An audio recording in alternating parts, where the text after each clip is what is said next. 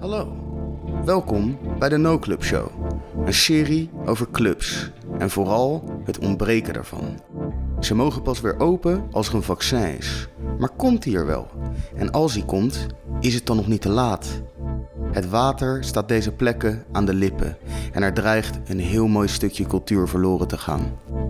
Steven van Lummel en Justin Verkijk lopen al sinds maart met hun ziel onder hun arm en gaan nu kijken hoe het ervoor staat.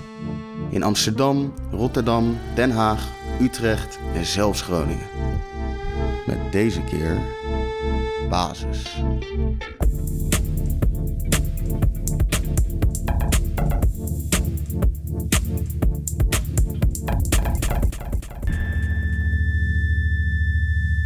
We maken deze serie in samenwerking met Jägermeister, die met hun project Save the Night proberen iets bij te dragen aan nachtcultuur in moeilijke tijden.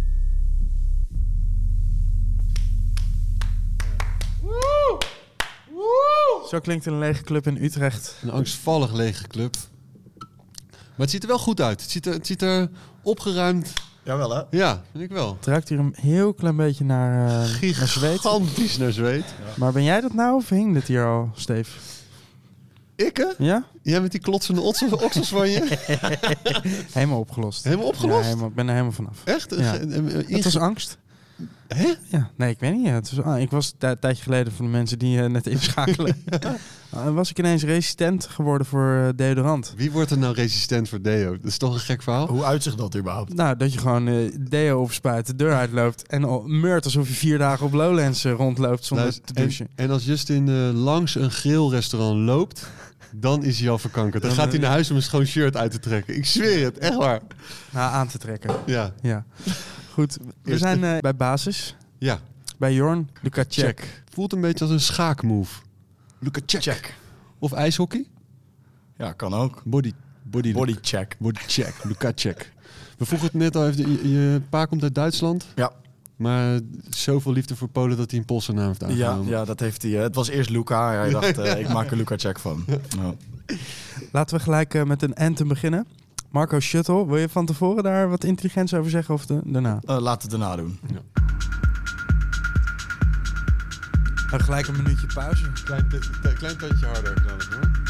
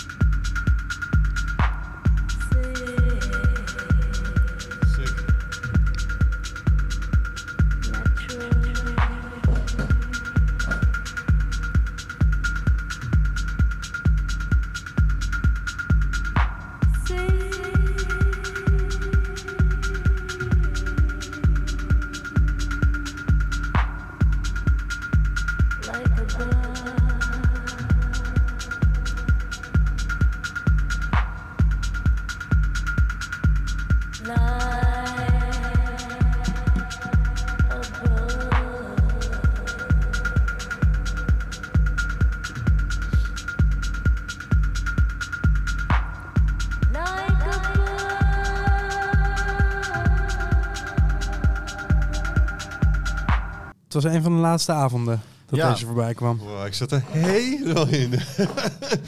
Ja, ja, ik heb deze. ehm, eh, jullie hebben natuurlijk wel wat vragen, een vraag gesteld over wat tracks en wat anthems voor basis. En ehm, deze, die vraag heb ik natuurlijk eigenlijk gelijk bij ons in de groepchat gegooid. Eh, aan ons personeel ook gevraagd. En eigenlijk kwam daar redelijk unaniem kwam deze track naar boven. En dat was inderdaad. En ik, volgens mij was het februari uit mijn hoofd. Dus het moet ja, niet heel veel avonden zijn er nog tussen geweest. En gedraaid door Talisman. Marco Shuttle Track. Hij heeft hem draaien wel op 140 bpm. Dus ietsjes, ietsjes rapper dan hij nu was. Eh, maar eh, ja, dat was voor, voor zeker voor het personeel, maar zoveel mensen zo'n euforische avond. eh, dat die echt is blijven hangen. En schijnbaar deze track, ja, ze kwamen echt drie of vier man tegelijk om met deze track aanzetten. Dus het was, het was snel eh, beklonken. Je hebt eigenlijk alleen maar techno-tracks doorgestuurd. Ja, dat viel me ook op toen ik het aan het doorsturen was. Maar ik, ik, ik dacht, ga ik dan ja, voor de volledigheid of zo'n house track doen? Omdat we natuurlijk niet alleen maar techno doen. Ik zou zeggen 60-40. Misschien iets meer techno nog, maar... Ik wilde, ja, dan zou je misschien een house track moeten kiezen. Maar ik heb toch gewoon wel echt de tracks gekozen waar of het beste verhaal achter zit... of die gewoon echt het beste bij basis passen. Ja. En daar zijn die drie tracks uitgekomen. Maar herinner jij je die bewuste track op die bewuste avond ook nog? Ik was er niet. Ah. En, en wat gebeurde er volgens het personeel? Ik weet dat ik, weet dat ik had mijn eh, compagnon nog aan de lijn en die was er die avond zelf wel. En die was ook echt, hij zegt, je gaat deze track noemen. dus ik had eigenlijk ook niet zeggen meer een keuze over deze track. Nee, maar je gaat deze track noemen, want ik zweefde gewoon de tent uit. En het heeft zo'n zo'n eh, emotionele waarde voor mij, maar ook voor de rest van het personeel. Dus deze track moet genoemd worden. Ik klop er even bij op tafel. Ja. Ehm, ja, dus nee, ja, dus die, was, die heeft echt wat losgemaakt bij mensen. Hm. Jouw compagnon eh, Joost. Nee, Jort. Ja, Jort. Jort. Wie is Joost dan? Dat is ook een compagnon van mij. Oh ja. Ja. Hoeveel compagnons? Een basis doen we met z'n vijf in totaal. Is dat een, is dat een groep die al dichter, langer, vaker bij elkaar kwam? Nee, helemaal niet eigenlijk. Joost en ik wel. Wij doen al, ehm, al, een, ja, al acht jaar eh, events nu of zo. En ehm, zo beter? Ja. Mooi. en, ehm, en, en eigenlijk vanuit daar zijn wij toen eh, in, in de clubs ingerold. En, en toen, hebben wij, toen was het, zeg maar, de voorbasis was het Club Lux. En wij zijn ehm, in gesprek geraakt met die eigenaar van Club Lux destijds. eh, om er iets nieuws van te maken. En, de- en de twee jongens die toen zeiden, zijn erin blijven zitten en wij zijn erbij gekomen. Ah. Het, maar toen was hier aan de zijkant was een opening. Nee, de zijkant. Want je, we kijken nu zeg maar richting de rookruimte van de mensen die basis kennen. Ja. En daarvoor was eigenlijk een hele lange witte bar. Dus Ja. die vierkante bar die was er niet. Je kwam binnen eigenlijk gelijk in een zaal. Het zag er sowieso compleet anders uit. Hmm. En daarvoor was een, was een bar en het podium stond veel meer... De DJ stond veel meer naar voren en veel hoger ook. Hmm. En wat, wat gebeurde met die ruimte daarachter dan? Niet, niet zoveel. Nee, volgens mij zaten er, en dan moet ik het goed herinneren... maar volgens mij zaten er wat bankjes achter en dan kon je er een beetje chillen. Het was een compleet andere vibe voordat wij, eh, voordat wij hier begonnen, zeg Ja. maar. Ik, ik weet nog wel, ik was hier zo in, in Lux jaren geleden hoor. En ehm eh, Funky Neven moest draaien. En eh, ik moest hosten en eh draaitafels werden neergezet. En, eh, hij, dus hij was bijna klaar om te draaien. En dan zet die naald op die plaat. En die glijdt zo in één keer van rechts helemaal naar het midden. Zat er geen naald in. En, Oh. eh, dus ik gelijk, oh, oké, nee, ik, ga, ik ga het wel regelen. Bedrijfsleider, eigenaar, naalden. Nee, weet ik veel. Die draaitafels zijn speciaal hiervoor. Uiteindelijk Anne Heijs gebeld. En volgens mij Sham ook nog uiteindelijk via via naalden kunnen regelen. Maar Van Knieven, die, had, die, die draait sowieso vaak om met de moed in zijn schoenen of zo. Weet je, echt dat je hem aan moet slingeren. Nou, die was meteen helemaal klaar. Steve. no can do. Echt classic. Het ziet er nu eh, veel meer uit alsof het... eh, alsof er wel regelmatig met vinyl wordt gedraaid. Ja. Ja. Ja, ja, dat is ook zo. Ja. Ja, ja, Ja. ja. Nee, het was ook grappig, want wij, zeg maar, ba- ja, Lux was zoiets anders dan basis was. Het was, het was mooi en wit en gelakt en, eh, en, en roze lampjes en eh, nou ja, ja, echt compleet anders dan het nu is. Dus ik weet nog dat wij, want in november besloten we om er, om er basis van te maken en in eind januari moesten we open met basis. En we hebben december nog gedraaid als Lux. En in januari zijn we gaan verbouwen. Volgens mij hebben we zelfs nog één, jan- één weekend januari meegepakt. Dus drie weken de tijd gehad om de hele shebang eruit te slopen en, eh, en er iets anders van te maken. Want zat er ook iets voor de muren? Ja, zeker. Ja, er zat overal eh, dingen voor. Dat hout is volgens mij hergebruikt. Wat je hier aan de, aan, hier aan de muren zit in die, in die, in die V-vorm, zeg maar, van die pijlvorm. Dat zat nog eh, op een andere manier verwerkt voor de muren. Maar je kon dit allemaal niet meer zien, zeg maar. Dat Nee. beton en zo, dat zat, daar zat van alles voor. Ja. Maar is, is- deze plek is sowieso al best wel lang Ja. eh, een club, toch? Ja, daarvoor is het de Chivas geweest. En eh, ja, ik kan het mezelf niet herinneren. Ik weet van horen zeggen, weet ik dat hij nog van alles in heeft gezeten. Ja. En een stuk kleiner, dus beetje bij beetje is het uitgebreid telkens. Mm. Eh, maar het is al heel lang is het een clubbestemming inderdaad, ja. Ja, is vet. Veel te gek hoor. Aan, aan het water zo kwamen we net. Ik, ik viel gelijk bijna naar voren die trap af. Eh, Ja, het zit gewoon beneden aan het, aan het water. Gelijk het water in. Ja, voor de mensen die het niet. Wanneer was voor, de, je, voor jezelf de eerste keer dat je hier binnenkwam?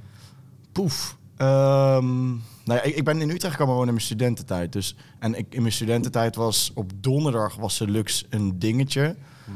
Eh, want je had de krank op donderdag toen destijds nog. En ehm, daar ging je, dat was de krank verhuisde toen van een andere uh, kroegclub-achtig iets naar hier. En eh, hier kwam je dan als student op donderdag, als je nog naar een huisfeestje wilde, kwam je, kwam je hier. En dat was, ik denk dat dat wel mijn eerste luxe-ervaring is geweest. Want ik geloof, en misschien zeg ik het nu verkeerd, maar in mijn beeldvorming was in ieder geval in het weekend veel meer richting de urban en dat soort genres dan, dan dat hier echt met house en techno iets gedaan werd. Dus de donderdag, ja, de donderdag die kwam ik, eh, kwam ik hier nog wel eens. Ehm, en inderdaad ook ja, de trap af eh, langs het water. En, eh, ja. Lis- listig hoor. Goed dat je in ieder geval eh, eh, als je aankomt naar beneden moet en als je weggaat omhoog. Ja, nou, dit, dit is, het is niet heel vaak misgegaan, maar ik kan me wel echt een paar keer herinneren dat het wel goed misgegaan. En één keer echt, echt heel goed mis is gegaan. Dat was iemand die echt al, echt al aardig heen was. En de trap af kwam gelopen. Ja, jullie zijn waarschijnlijk van de trap bij de brug komen lopen, maar die kwam vanuit het centrum gelopen. Je hebt twee trappen. En die gaat gewoon recht naar beneden en die loopt dan recht op het water af. Ja, ja, die zijn we net. Oh, die zijn net ook. Ja, Oké, oké. Ja, dus die loopt recht op het water. Er staat er nog eens een klein lullig hekje voor. Ehm, en die, ja, ja, het is eigenlijk niet om te lachen, maar het is Nee. toch- ja, nee, maar die, die gaat dus vanaf ergens boven, glijdt hij gewoon de trap af. En die was gaandeweg al zo slap geworden, omdat hij, denk ik, ja, ik weet niet wat hij op had, maar... eh, het is niks zo- van gevoeld in ieder geval. dat denk ik, dat hoop ik niet voor. Maar zo slap geworden dat hij eigenlijk al als een soort van octopus zo die trap afglijdt en onder dat hekje doorglijdt, zo het water in. En de portier er dus achteraan en die kerel er weer uittrekken. Wauw. Ja. Ja. beter maar dat die slap. Wat dat betreft is het alcohol toch een wondermiddel. Ja, ja, ja, ja, ja. Het redt levens. Ja. Nee. Nee, Goed, nee, nee, echt- nee, echt nee. goed, eh, go- goed dat die portier hem eruit heeft gehaald. Ja, die, Ja. we zijn nog later met die portier bij Jan van Zanen, de burgemeester destijds, eh, op kantoor Ja, geweest. die is nu burgemeester, Die is hè? Jullie burgemeester, ja. Ja. ja. Dankjewel, jullie hebben me Ja, goed ga- opgevoed. Ja, graag gedaan, ja. en wat wij ervoor terug hebben gekregen? Nee, maar... Je hebt net een ehm, nieuwe, toch? We hebben net een nieuwe, Jan. Wie is het ook alweer? Uh, oud PvdA. Paulien, Oh, ja. Paulien Krikke. Sharon Dijksma. Oh ja, ik zag Geert Wilders vandaag zeggen dat hij het gek vindt dat er nog nergens een PVV-burgemeester is. En ik Ja. dacht alleen maar, dat, ik begrijp het eigenlijk heel goed. Ja. Maar ehm, tof dat die portier hem uit het water trok. Want in Den Haag hebben we dus portiers die mensen in het water gooien juist. We Ja. hebben eh, de O, wat was vroeger de marathon. De meest roemruchte club die we ooit hebben gehad, denk ik, in Den Haag. Ja. Nou, Eh, voltage. Is ja. wel lekker. Uh, Maar goed, historisch, meest historische Ja. club in ieder geval. Hey, dat is de Westwood. in ieder geval, daar had je dus een brug. En eh er kwamen er ook wel wat toeristen. En die toeristen gingen dan aan mensen vragen waar ze drugs konden halen. En er was er altijd één zo'n grappenmaker die zei... Oh, dat kan hier gewoon bij de portiers. maar die grote guy, zeg maar die hele brede met die staart.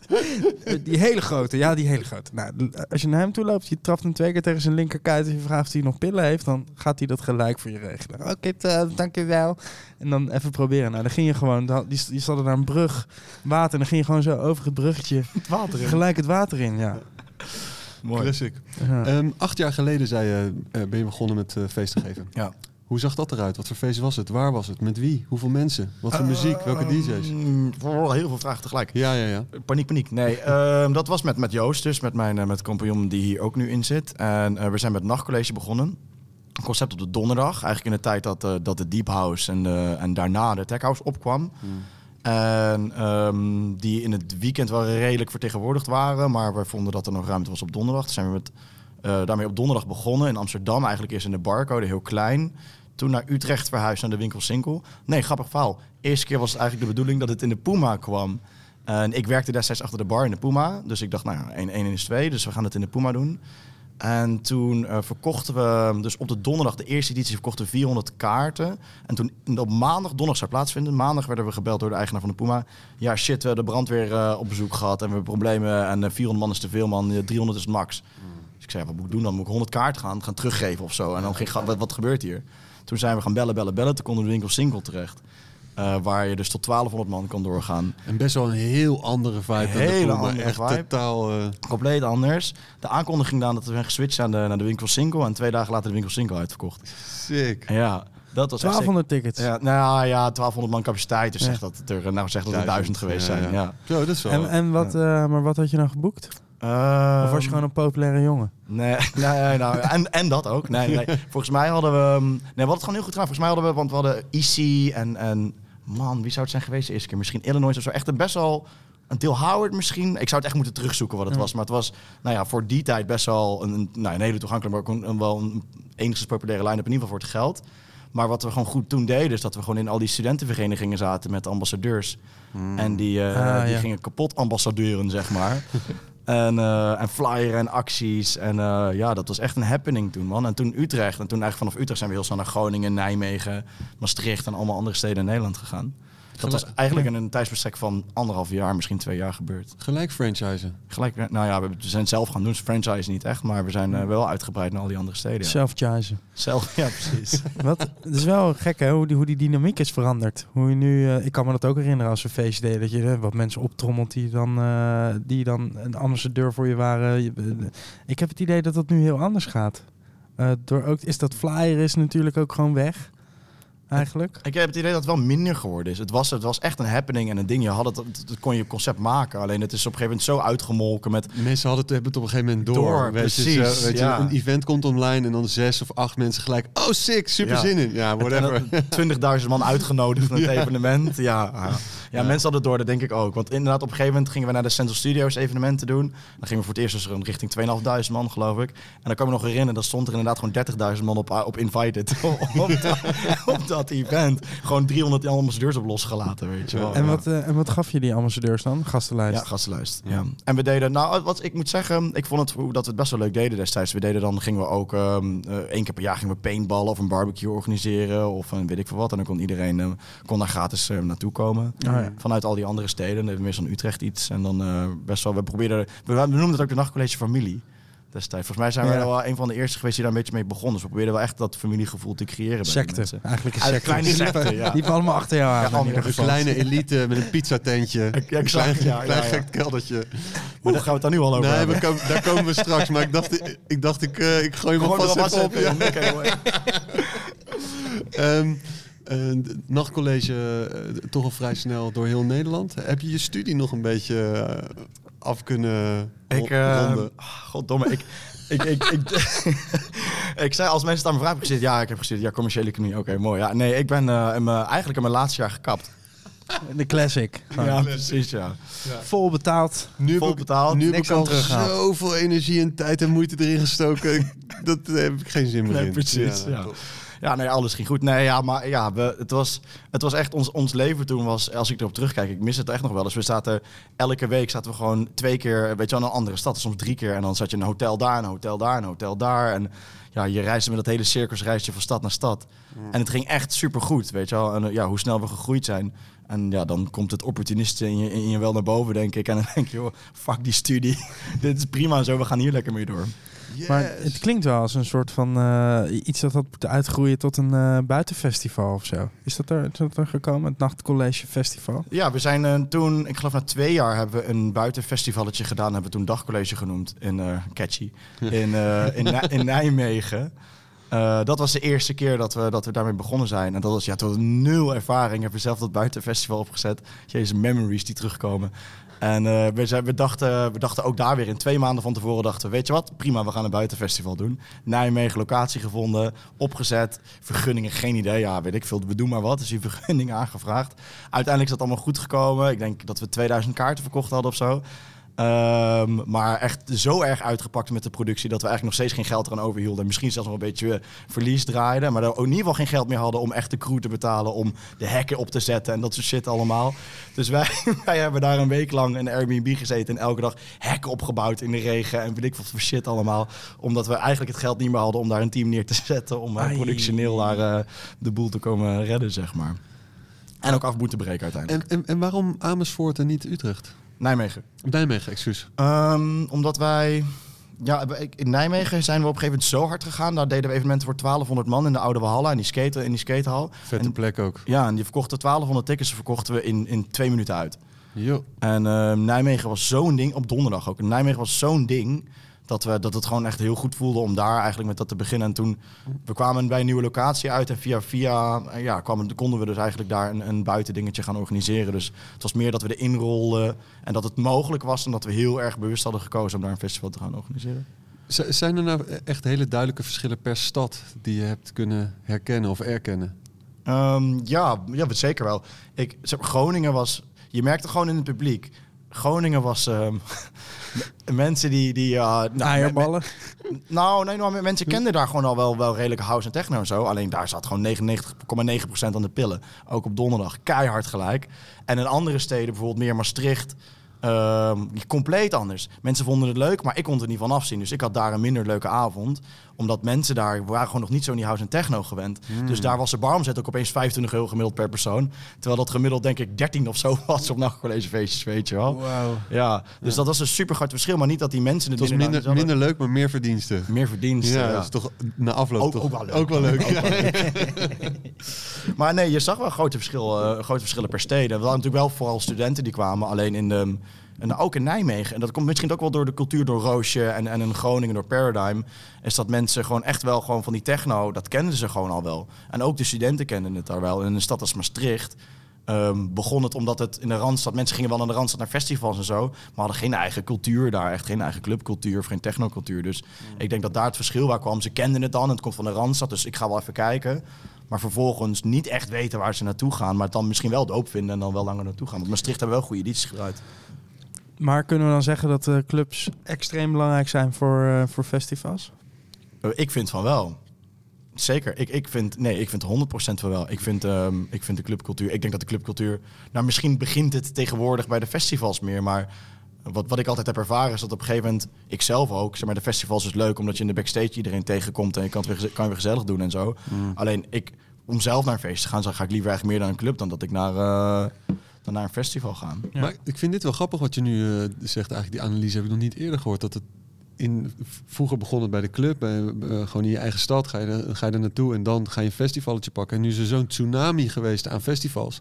Dat inderdaad mensen eerder daar eerst in aanraking komen met house, techno of whatever voor muziekstijl. En dan op zoek gaan in hun eigen buurt. Dit is wel het gevoel wat ik veel krijg. Ja, die festivals zijn zo toegankelijk geworden voor een groot publiek. Niet Dat ook, normaal. ja, en dat ook mensen die eigenlijk nooit van house of in ieder geval thuis nooit een houseplaat zullen opzetten of een technoplaat zullen opzetten, maar dan wel daarheen gaan om dan een pilletje te doen om wel die muziek leuk te vinden. Maar dat is ja, nou ja, dat, ja voor, voor hen, voor hen, voor hen. Ik denk dat dat voor veel mensen wel, wel zo is, maar dan uiteindelijk wel er meer inrollen en, en dan vetter gaan vinden. Nog Ja. een keertje, nog een keertje, nog een Ja, keertje. ja, Maar voor, voor een artiest eh, is het juist weer extreem belangrijk, een club. Want zonder, als je, niet, als je geen clubshows speelt, eh, nergens draait in een club, kom je ook niet op een festival. Maar ik denk dat het voor de hele cultuur super belangrijk is. Want ik Ja. denk als je het alleen maar op de festivals houdt, dan.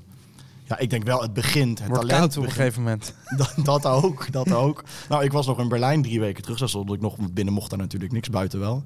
Toen stond ik eh, nog buiten op een, eh, op een eh, evenement. En het was ook echt een, super koud. Maar er waren, er waren gewoon vier mensen toch op dat evenement? Of moeten we een klein beetje afstand... In Berlijn mag het, hè? Ik heb me aan de regels gehouden in Berlijn. Ehm, Ehm, maar je, je zegt eh, terecht, clubs belangrijk om een, eh, om een soort humuslaag te creëren voor, voor festivals. En tegelijkertijd ehm, kan ik me ook voorstellen dat je misschien wel een beetje last hebt gehad van festivals met de club. Is dat hier in Utrecht? Ja, nou ja, de zomer is, is geen gezellige... Nou ja, geen gezellige... Het is een mindere periode voor, voor een club als basis dan, dan de winter is. In de winter draaien natuurlijk de topmaanden. Alleen, ik vind... Ik weet niet of het last hebben van is. Ik denk, het moet elkaar versterken of zo. En ik denk dat het tot some extent het ook wel doet. Ik bedoel, zo heel veel clubs zijn er in Nederland niet meer. Nee. Ehm, dus ja, misschien hebben die clubs natuurlijk dan wel last gehad van de, fest, van, last gehad van de festivals. Dat kan misschien wel. Maar ik, ik heb wel het idee dat de mensen van de festivals uiteindelijk wel weer doorkomen naar de clubs. Ik bedoel, met basis, als ik naar basis zelf kijk, we stonden voor, voor ehm, het begin van het beste jaar tot nu toe. Ehm, dit is niet dat, daar, dat dat aan het afnemen was of zo. En ik denk, eh, ja, het is een stijgende lijn gegaan. Dus ik zie voor basis juist in populariteit eh, de juist toenemen. Maar goed, zo- hoeveel clubs zijn er in, eh, waren, er, waren er in Utrecht eh, voor de pandemie? voor jouw gevoel, kijk, in, de, in dit genre. Hè, de- eh, Eh, twee. ja. Het was. Dan, Ja, en dan was is Was is. Leuk. Wa- was is, was is dan ja een een club ja ik bedoel ze doen één keer in de, in de maand geloof ik hè dus ja. Ehm, het is een clubruimte maar oh, ik vind de club wel dat je gewoon twee keer per week gewoon je ding doet of zo Maar Puma, Echo...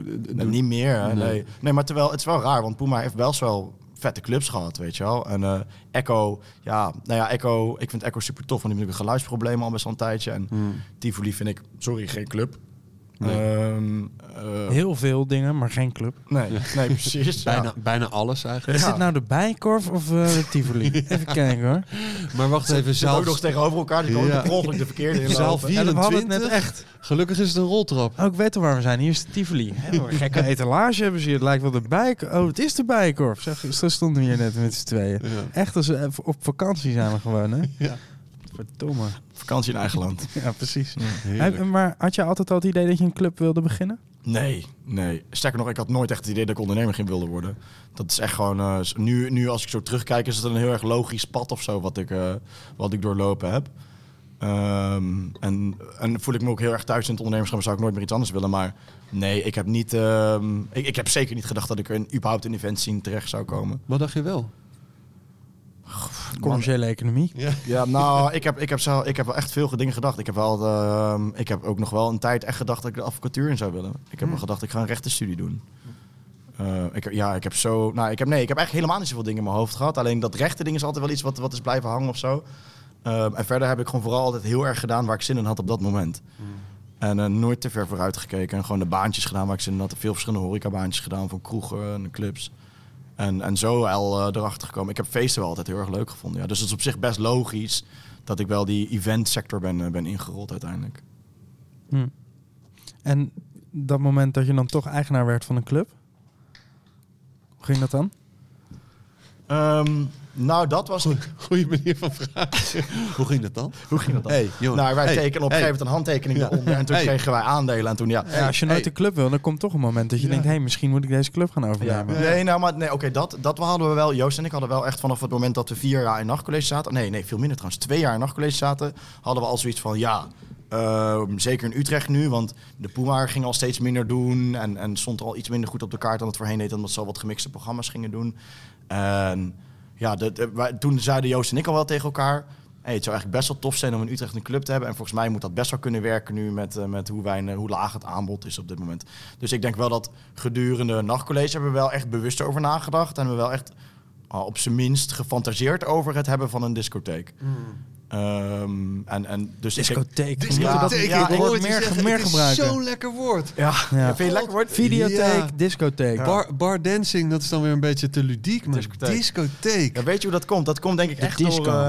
eh. Door, door, ehm, door, ik heb natuurlijk bij Nachtbelang en zo redelijk veel met media dingen gedaan en zo. En die noemden het altijd standaard discotheek.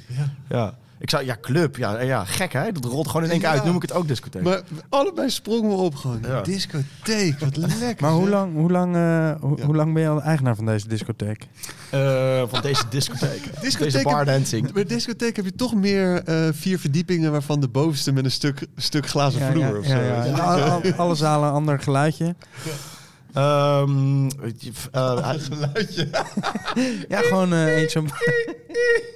Eén pop, popzaaltje, één Ja, ja. R&B Gewoon een beetje de oude, oude Hollywood, zeg Ja, Ja, ja, ja. heerlijk. Ehm, nee, antwoord geven op je vraag. Basis bestaat eh, aankomende januari zes jaar.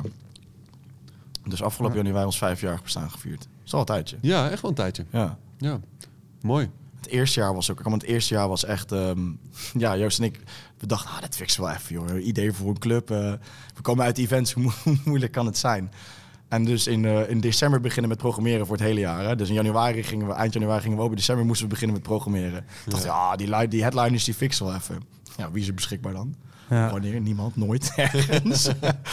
Eh, dus maar ja, provisorisch een programma in elkaar geknikkerd. En, eh, en gedacht met ons event dingen van... Oh, kluisjes kun je wel... eh, wat vroegen we nou? Vijf euro borg. En ja, nou, absurd, absurde dingen. Gewoon een muntje voor... Of nee, ja, een muntje deden we toen nog. Muntje voor de wc beneden. En allemaal dingen waar mensen kaart over gingen stijgeren. Dus het eerste, eerste jaar zijn we echt, echt achter... Echt een goede leerschool geweest. Zo hoe je het niet moet doen, zeg maar. En eh, allemaal dingen aangepast. Nou goed, en toen het eerste jaar wel, eh, wel goed de min in gegaan. Wel echt goed geschrokken ook. Maar vanaf jaar twee gingen we lekker omhoog. En dat, toen, jullie gingen kijken voor het programma in, eh, in december...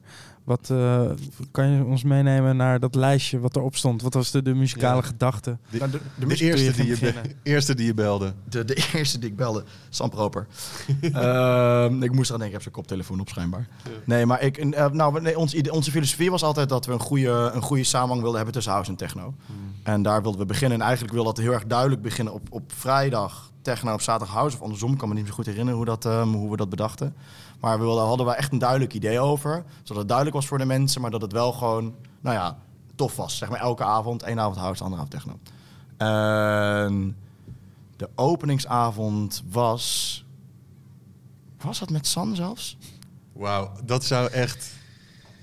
Ja, wow, man. Ik, ik, Antal, ik, ik weet het niet, man. man zo, zoiets was het wel. Iets in die, eh, iets in die hoek. Moet het echt even opzoeken. Als je Antal en San, als ze open, dat is al... Ja, een van de twee wel, misschien. En dan Elias erbij of zo. En, en, en het, het- zo'n soortige line-up was het. Ik, ik ga, we moeten het zo meteen even opzoeken. Best wel eh, head- headliner en line-up. eh.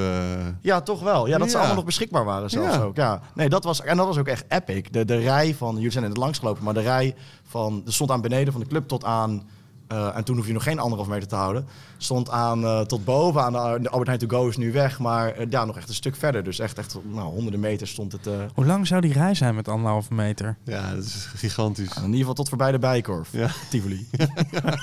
Die roltrap op. Ja, precies. Bovenaan de zaal 24. Maar had je dan, eh, eh, had je dan meer dan... eh, want je, hebt, je kan zeggen, ah ja, house techno, maar dat is nog steeds heel breed. Eh, Ja, verlanglijstje vroeg je ze naar. Ja. Ja. Nou, ook, ja, ook maar binnen de techno was best wel breed. Dus we wilden um, toen al wel, ehm, weet je, dat, de hard, dat harde wat nu echt super in is. En wat we ook veel in de club doen. ehm, dat was toen nog niet zo, zo hot and happening. En, en daar wilden we, daar wilden we wel, ik, ik- daar, daar lig, ik, ik, ik hou daar op zich wel van. En ehm, dus daar gingen we ook wel een beetje naartoe. Maar in, het, ja, in de techno hebben we best wel, veel, best wel veel kanten geprobeerd in het begin. We hebben sowieso veel geprobeerd. Ook veel van die house. En nou, die house hebben we ook best wel doorgezet de hele tijd. En eigenlijk best wel weggebleven van, van de tech house en zo allemaal. En, en de techno hebben we, ik weet dat volgens mij was de tweede avond was Perk. Ehm, dus toch best wel rammelend al eigenlijk gelijk. Eh, en, en dat hebben we eigenlijk een beetje zo, door, voor, zo doorgezet, die periode. Maar ja, ik, ik, ik kan me niet echt meer herinneren wie er nou stonden. Maar ik weet wel dat het, ik weet dat we heel veel moeite hebben gehad met het vinden van een goede naam. En dat we dan een keer een goede naam konden krijgen, was dan natuurlijk precies op een kutdatum. Eh, want daar waren ze natuurlijk niet geboekt. En het is ook logisch dat ze toen niet geboekt waren, omdat het was om een of andere Derde draak. kerstdag. Zoiets, een of andere draak van een, van, een, van een datum waar je natuurlijk nooit die club meer vol kreeg. Dus dan staat dan Perk staat dan niet voor 100 man te draaien bijvoorbeeld. Ja, 30 januari. ja. Heerlijk. Ja, precies. Ja. Ehm, de, de, ja, dus echt het programma weet ik niet meer precies, maar ik weet dat ja, we hebben daar wel, we hebben een heel duidelijk beeld gehad daarover. Ik weet dat dat niet helemaal gelukt is, maar toch wel oké gelukt is nog. Maar dat we ja, de headliners gewoon op, op verkeerde data kregen, daardoor veel geld verloren. Op andere data kleinere namen kregen en daardoor verloren van de concurrentie. Dus dat eerste jaar was, nou, op zijn zacht gezegd, eh, in ieder geval een rollercoaster. Hey, en de, er waren dus nog drie eigenaren van de Lux die meegingen. Twee. Oh, twee. Ja. Hoe, was de, hoe was dat vertrouwen, communicatie met hun? Was het vanaf het begin... eh, ze hielden zelf ook al van house techno? Of hoe? Nee, veel minder eigenlijk. Die, ehm, oh ja, een, een beetje. Maar nou, niet zo, zij zaten er niet zo in als wij. Hmm. Alleen ik denk dat we in de gesprekken die we hebben gehad... en we hebben veel gesprekken gehad voordat we dit gingen doen... is wel echt een vertrouwen ontstaan. En zeg maar, Joost en ik kwamen dan binnen met het verhaal. En nou, wij zijn best wel losgelaten in dat hele verhaal. We hebben het uiteindelijk wel samen uitgewerkt. Maar we kwamen eigenlijk al binnen met dit hele concept uitgeschreven. Maar zij hadden al best wel ervaring met een club. Maar, zij Ja, zei- Maar niet zij- met kluisjes Nee, voor 5 precies, ja. euro. Niet, niet meer kluisjes van de garderobe. Die moesten van ons ook direct uit. En daar kwamen de festivalkluisjes voor in de plaats. Wat, nou ja, goed. de- Ja, dezelfde fout gemaakt. Nee, nou ja, laat die gasten maar lekker klooien, joh. Ja, precies. Nee, maar ik moet zeggen, het, het werkte dus daarom wel lekker. Want, want eh, Joost en ik hadden natuurlijk toen nog helemaal geen ervaring met wat met, met, met een horecakant neerzetten eigenlijk van, van, van een club. We deden natuurlijk events en daar deed wel wat, maar dat, daar huur je dan partijen voor in die dat voor je doen en daar heb je zelf niet zoveel mee van doen. Maar nu opeens moet je, ja, er moet ook eigenlijk wel nieuw personeel komen, want het oude personeel die bleef wel hangen, maar dit was natuurlijk op, opeens stond iets compleets anders. Een complete andere ideologie, visie, alles was anders dan hetgeen daarvoor was. Dus het personeel moet natuurlijk wel feeling hebben met wat je aan het doen bent en dat brokkelt er natuurlijk steeds meer af, want ja, je kan natuurlijk slecht tegen verandering op het moment dat je ergens werkt, daar heb je voor getekend eigenlijk. En dan komen er een paar van die snotapen binnen en die, die draaien opeens de hele club op ondersteboven. Ja, precies. Ja, ja wat zit? Ja. Ehm, eh, ja. Dus ja, dat, dat, dat was, ja, voor ons was dat, werkte dat heel erg fijn. Dat zij in ieder geval die ervaring van die kant hadden. Dus dat we ons daar niet, per, niet zoveel op hoefden te focussen. Maar gewoon echt meer konden focussen op dit gedeelte, zeg maar. En ik wijs nu naar de DJ-booth. Ja. Ja. Heel, heel fijn dat je eh, je handgebaren uitlegt. Ja, Eh, Ja. Nee, dat is voor de, kijkers thuis. Dus, eh, Speedy J eh, heb je uitgekozen. Waarom eigenlijk? Als anthem. Dat heb ik. Nou, eh, allereerst vind ik dit echt een grandioze plaat. Ik heb het in de, in de tijd dat ik er nog redelijk wat draaide, draaide ik hem ook nog wel eens. En, ehm, maar het, het moment dat de eerste keer eigenlijk dat ik die plaat echt hoorde, was toen Books en Dave hier eh, een United uh, Abstract Division. Paultje, Ehm, shout-out. Paultje, lekker jongen. Toch weer even een shout-out naar Paultje. Tuurlijk. Ehm, en, en Utrecht is natuurlijk. En die eh, veel gedraaid hier. En eh, topgasten. En betekenen denk ik veel voor Utrecht. In ieder geval voor mij als inspiratiebron ook. En, en ze draaiden hier On Long. En dat heb ik zo vaker gedaan. En ik weet dat richting het einde van de avond... ehm, zag ik, eh, kwam- deze erin met die, met die, ja, je gaat waarschijnlijk nu niet horen, maar die hele lange intro. En dan komt hij er steeds een klein beetje meer in, steeds een klein beetje meer in. Precies eraf geknipt. En precies eraf geknipt. Daarom, ik denk, ik vertel hem er even bij, want je Nee, zal kan hem wel alsnog, kan hem alsnog eronder zetten. Dus maak je verhaal. Die intro. Ehm, intro, heel lange intro. En ik zag, ik zag Boek steeds meer, eh, steeds meer loskomen van de grond, zo weet je wel. Ja, De schoentjes van hem. ja precies zo. En op een gegeven moment Nike's had hij aan waarschijnlijk. Waarschijnlijk niet, Altijd, Nike's, altijd. Schoonmaakdoekje. Precies, precies. En, en hij ging op een gegeven moment steeds meer springen, kon hij van die vloer af. En toen kwam, ja, weet je, dat komt er in die platen en dan, boef, dan gaat hij los. En, en, en daarbij ook nog, Speedy is een vriend van de club. Eh, vaker gedraaid. Eh, ook onuitjes gedraaid. Dus ik vond het zo'n goede combinatie, zeg maar. Books, Abstract Division. Ja, dit toch. Godverdomme, man.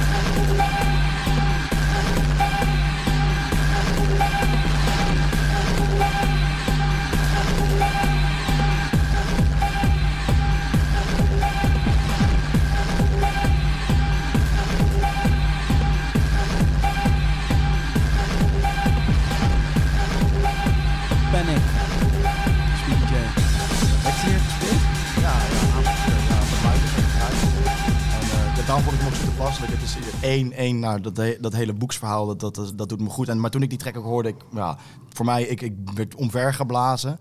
En, en toen later Speedy, weet je wel, die hier ook een paar keer gedraaid heeft. Maar ook echt epic avonden van als ik bezoekers hoorde over, dat zijn die Speedy avonden die altijd blijven hangen. Dus ja, die track was, eh, die moest erin. Het ging allemaal goed. Een, eh, een opwaartse spiraal. En toen eh, kwam daar ineens een persconferentie. Ja. Eh, de persconferentie, ja. Waar, waar was je? Wat had je aan? Pwa, waar was ik, ja? Ik denk, ah, nou ik- ja, ik weet wel waar ik was. Ja, ik was volgens mij de eerste echte persconferentie, want volgens mij heeft Rutte het sloot hij alles. En toen was er nog niet echt een pers, echte persconferentie aan te pas gekomen. Ik eh, weet, ik weet niet wat de eerste echte persconferentie die ik me kan herinneren was dat hij vanuit het torentje zei zo over groepsimmuniteit. Ja, ja precies. Oké, nou toen, ik weet wel Dat precies gelooft hij al niet. dat, eh, dat toen geloofde ik al niet. Oh, je zit alweer voor, te- voor te sorteren hier. Hoor. Nee, ik, ik weet nog toen waar. Ik weet zeker heel goed waar ik toen was. Want ik was toen in eh, Zeeland. Toen hadden we een huis gehuurd met, eh, met een groep vrienden van me. Want we dachten, nou, hoe dit ook gaat lopen. We zitten liever met z'n allen ergens in een huis. En dan werken we wel vanaf daar. Dus we hebben toen ergens een huis op het strand gehuurd. In, of aan het strand gehuurd in Zeeland. Zijn we daar gaan hangen met z'n allen. En toen kwam die persconferentie, als ik het goed heb, over die, ehm, over, nou ja, in het torentje, over die groepsimmuniteit. En ik moet zeggen, toen dacht ik, ja, fair enough. Weet je, we weten niet, geen idee. Eh, voor hetzelfde het gebeurt er iets super raars. En, ehm, en dus ja, en daar, en daar wordt dan iets gevraagd. Dus laten we als voorzorgsmaatregelen twee weken, nou, die kunnen we wel opbrengen. Eh, een aantal goede avonden trouwens niet twee weken gepland. Maar ik denk, dat, ik denk dat net als heel veel mensen daar gewoon wel gewoon begrijpelijk was dat dat toen gebeurde. En toen, eh, ja, dus, dus toen, en toen in Zeeland zaten we. En eh, sterker nog, ik kan je nog best wel vertellen hoe het er voor mij persoonlijk aan toe is gegaan in Zeeland. Want ik heb wel, ik heb even een paar dagen gedacht dat ik dood ging. Ja? Ja, ik heb een paar dagen gedacht, ik ga dood. Maar aan, het, eh, aan de virus. Aan de virus. Oké. Oh. Ja, ja Maar zeker. ben je Ja. hypochonder? Of, eh, Nou, ik, ben wel, ik heb wel redelijk angst voor de dood, maar... ehm, hoe ik, komt dat? Dat is een hele goede vraag. Die ben ik voor mezelf de laatste tijd een beetje aan het proberen te beantwoorden. Maar dat komt misschien meer, meer uit een soort van controle of zo, dat, ik, dat je niet weet wat dat is. En dat mensen altijd, mensen kunnen altijd heel erg zeggen van ja, maar joh, hoe kun je nou, hoe kun je nou bang zijn voor de dood? Zeg maar, je, je weet toch niet wat er, bedoel, ja, wat er gebeurt. Je, je voelt dat toch niet meer. Maar dat is juist hetgeen waarom ik er denk ik bang voor ben. Van, hoe kun je er nou niet bang voor zijn als je niet weet wat er gebeurt, weet je wel? Maar ben, ben je een klein beetje controlfreak ook wel? Ja, ik zou me niet zo, zo omschrijven eigenlijk, maar ik maar je denk... vrienden wel. Maar mijn vrienden wel. Ja, ik denk ook niet dat dat het eerste is als je, eh, als je aan hen vraagt... eh, hoe ik in elkaar steek dat ze controlfreak zullen zeggen. Maar eh, ja, ik, ja dat, dat soort. De, de dood is altijd iets geweest wat ik niet echt eh, als iets prettigs heb ervaren. In ieder geval het idee daarvan.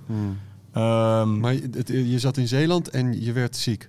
Nee, ik werd niet eens ziek, maar ik ging me gewoon... Ik dacht, want ja, al die klachten kwamen voorbij. en Je kreeg continu, kreeg je, oké, zoveel doden, zoveel doden, zoveel doden. En ik dacht, oh, er stond bij, oh ja, je kan eh, benauwdheid krijgen en zo. Ik dacht, shit, ik ben benauwd, man. Ik voel me benauwd. Kut, Chris, Chris hoor. Chris, ben je ook benauwd? Ik voel me benauwd, gast. Het is besmet. Ik dacht, ja, gast, ik voel me benauwd. Dus ik mijn stiefvader bellen. Mijn stiefvader is arts. Ehm, en die zegt dat tegen mijn gozer. Die zei toen al, doe rustig. Alleen mensen van 80 gaan dood. Je gaat er geen last van krijgen. Hij had zelf een corona als huisarts. Een coronakliniek zelfs. Dus hij zag ze elke dag. Dus ik, ik, op een gegeven moment hing ik elke dag wel één of twee keer met hem aan de lijn. Om, kun je nog alsjeblieft één keer zeggen tegen mij dat alleen maar mensen van 80 doodgaan? Ja, ja, dat is wel echt, echt een paar dagen. Heb ik wel echt in die, in die staat geleefd. Ja. Vond ik helemaal niet gezellig. Ehm, maar toen uiteindelijk word je, word, word je toch wat rustiger en dan ga je toch wel relativeren. En ik denk dat dat moment was wel, zeg maar na persco 2, begon je op een gegeven moment te denken van, hmm, dit is wel opeens een andere weg die we ingeslagen zijn. En het zou twee weken duren en volgens mij gaat het nu toch wel een tijdje langer duren. En ik denk dan ga je er wel, dan sta je open eigenlijk voor, voor echt te kijken naar hoe die situatie in elkaar steekt. En, ehm, en, vanaf dat punt was het ook echt dat ik ging kijken van, nou ja, oké, ik vind op het moment dat het langer dan twee weken gaat duren en langer dan een maand gaat duren, dan vind ik wel dat je even met een hele goede reden mag komen waarom dit allemaal gebeurt. En die zag ik er niet in. En die, die reden kreeg je ook niet van je, eh, van je stiefvader? Nee, Die zei, dit is er aan de hand. nee, nee, die is altijd redelijk kritisch geweest van het begin af aan al. Zeker, ja. Die zag, die zag wat er gebeurde in zijn, voor zijn neus. Die zegt, nou ja, sorry, maar de mensen die hier komen... die hebben gewoon een bepaalde leeftijd. Het wijkt niet af van een griepseizoen op dat gebied, zeg maar. Eh, In één keer veel, veel, veel natuurlijk, maar... Het is niet zo dat we. Nou ja, ja, hij, hij was in ieder geval van het begin af aan al wel redelijk kritisch. En misschien heeft mij dat ook wel geholpen. om daar wel al gelijk een soort van. Oké, ik mag dus blijkbaar dit ook kunnen denken. Want als een arts die daar veel mee te maken heeft. ook al wel gelijk redelijk kritisch kan zijn. En hij heeft nooit gestopt om mij te knuffelen, bijvoorbeeld. Nooit. Ehm, Hoe, hoe was de reactie onder personeel? Ehm, Wa- Was er, was er onrust of eh, consensus? Of... Ja, nou, nou ik, ik, denk, ik denk voor, ik denk ook binnen zo'n personeelsbestand denk ik dat het daar, dat is een afspiegeling toch wel van de maatschappij, denk ik. En, ehm, en daarbinnen denk ik dat hetzelfde heerst als wat daarvoor. Maar iedereen was wel gelijk eerst van, nou ja, ik, het personeel, we hebben sowieso echt toppersoneel, ik hou van ze. Maar het, het eerste wat zij denken toch wel, het, dachten nou over ons en niet per se over hun eigen positie. Dus dat heeft me wel, ik denk dat dat ons als eigenaren wel veel goed heeft gedaan. Ehm, maar ik denk dat daar ook, ook binnen, binnen die groep heersten, heersten er verschillende ideeën over alles. Je, je had het net al heel eventjes over de WhatsApp-groep. eh, vraag me af, hoe, hoe actief is die WhatsApp-groep? eh, ik neem aan dat je een crew eh, WhatsApp-groep hebt. Ja, ja. Zit, iedereen daarin? Ook beveiliging of alleen, alleen Nee. barpersoneel? Nee, nee ehm, al het personeel. Dus kantoor. Hoeveel mensen kantoor? Nu iets minder dan ervoor, maar vijf. Ja, Vijf kantoor. Zeker wel een mannetje of twintig eh, Ja. achter de bar. ja zeker. Ja, ik denk eh, ja, 30, ja, ja zoiets. Hoe, ja. hoe is die WhatsApp-groep eh, gegaan tijdens corona? Ehm, ja, ups, ups en downs ook, denk ik. Ja, want iedereen verwacht ook wel op een gegeven moment... je- net als het de persconferenties liepen, je denkt van... oké, we gaan zo weer aan de slag. Ja, Dus nou, het even twee weken, we gaan zo weer aan de slag. programma maken.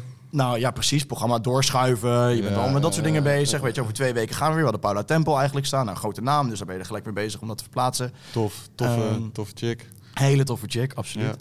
Ehm, en die, en dus dat, dat, dat gold ook voor het personeel. Ja. En dat, eh, nou ja, dat duurde natuurlijk langer en langer en langer en langer. En dus daar, daar, ja, daar verandert natuurlijk ook in. Maar we hebben natuurlijk vanaf... de- veel van hen zijn nul uur contracten. Wel vanaf het begin af aan toen die nauwregeling gebruikt om hen door te betalen. Ja. Ehm, en op een gegeven moment toen we merkten dat het echt langer ging duren. We hebben een terrasvergunning.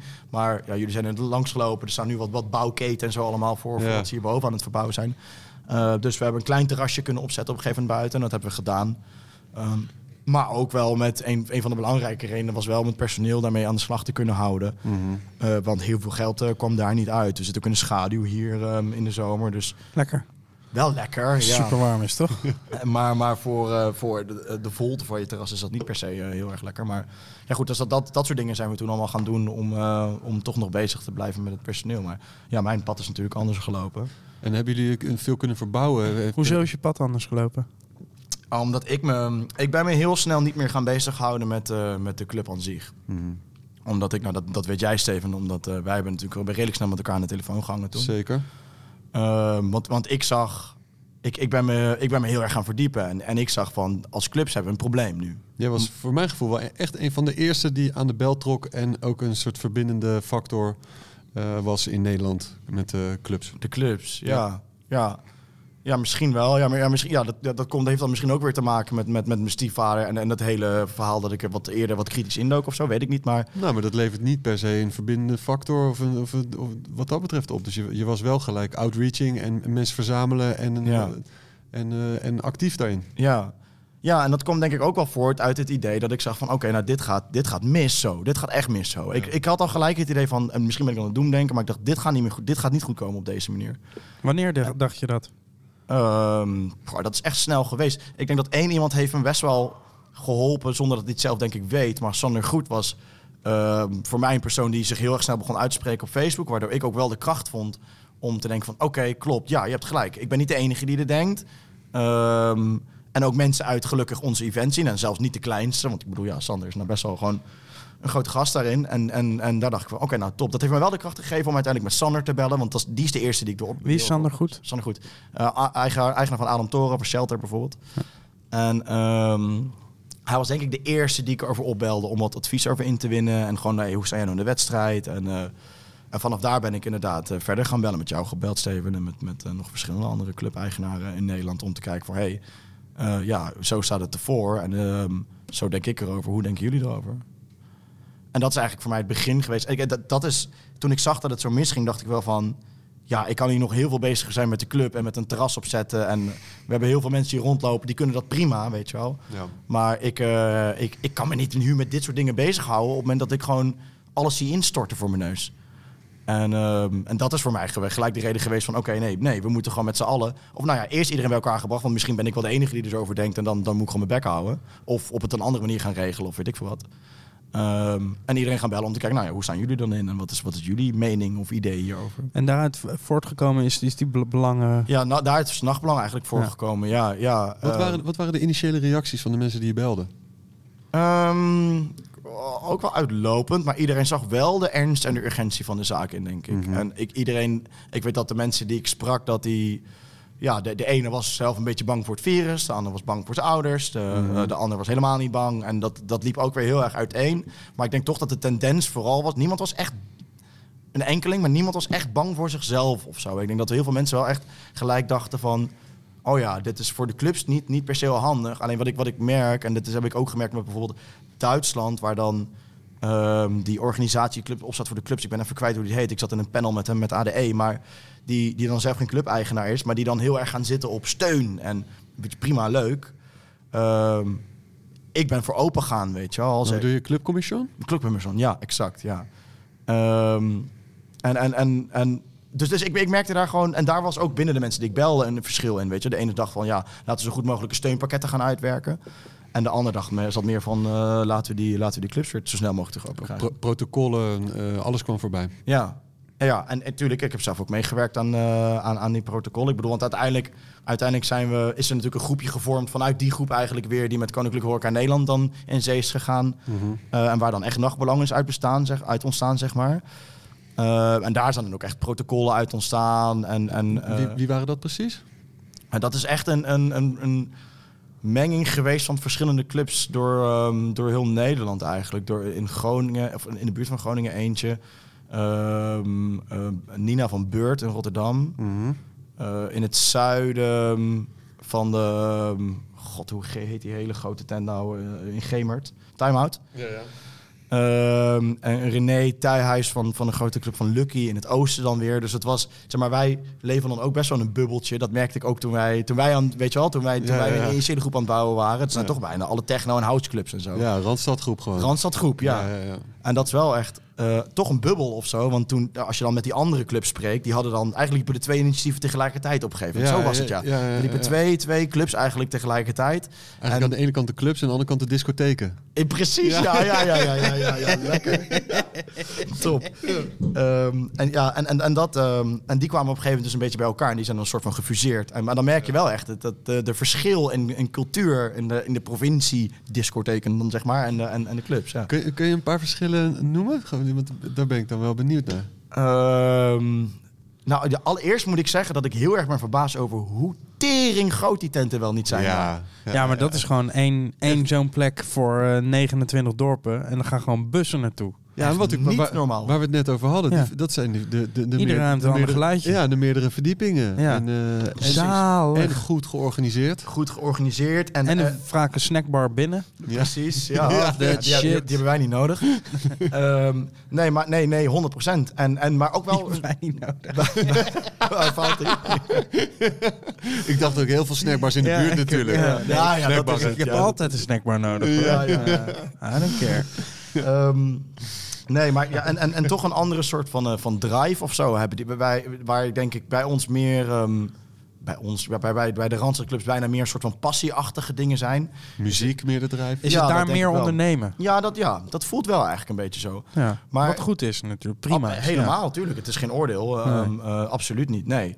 Eh, nee, maar dat is ja, dat, dat, dat, dat, die, die zitten anders, eh, toch wel een beetje anders in dan, dan Maar wij. misschien, misschien is dat eh, eh, als je meerdere verdiepingen hebt en meerdere muziekstijlen, terwijl hier heb je één zaal, dan moet je ook wel echt van die muziekstijl houden.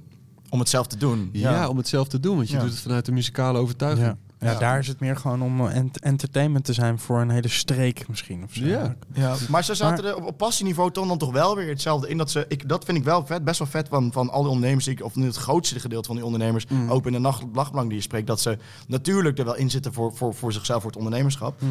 Maar toch ook wel eh, zich bewust zijn van de rol die ze vervullen binnen de maatschappij. Mm-hmm.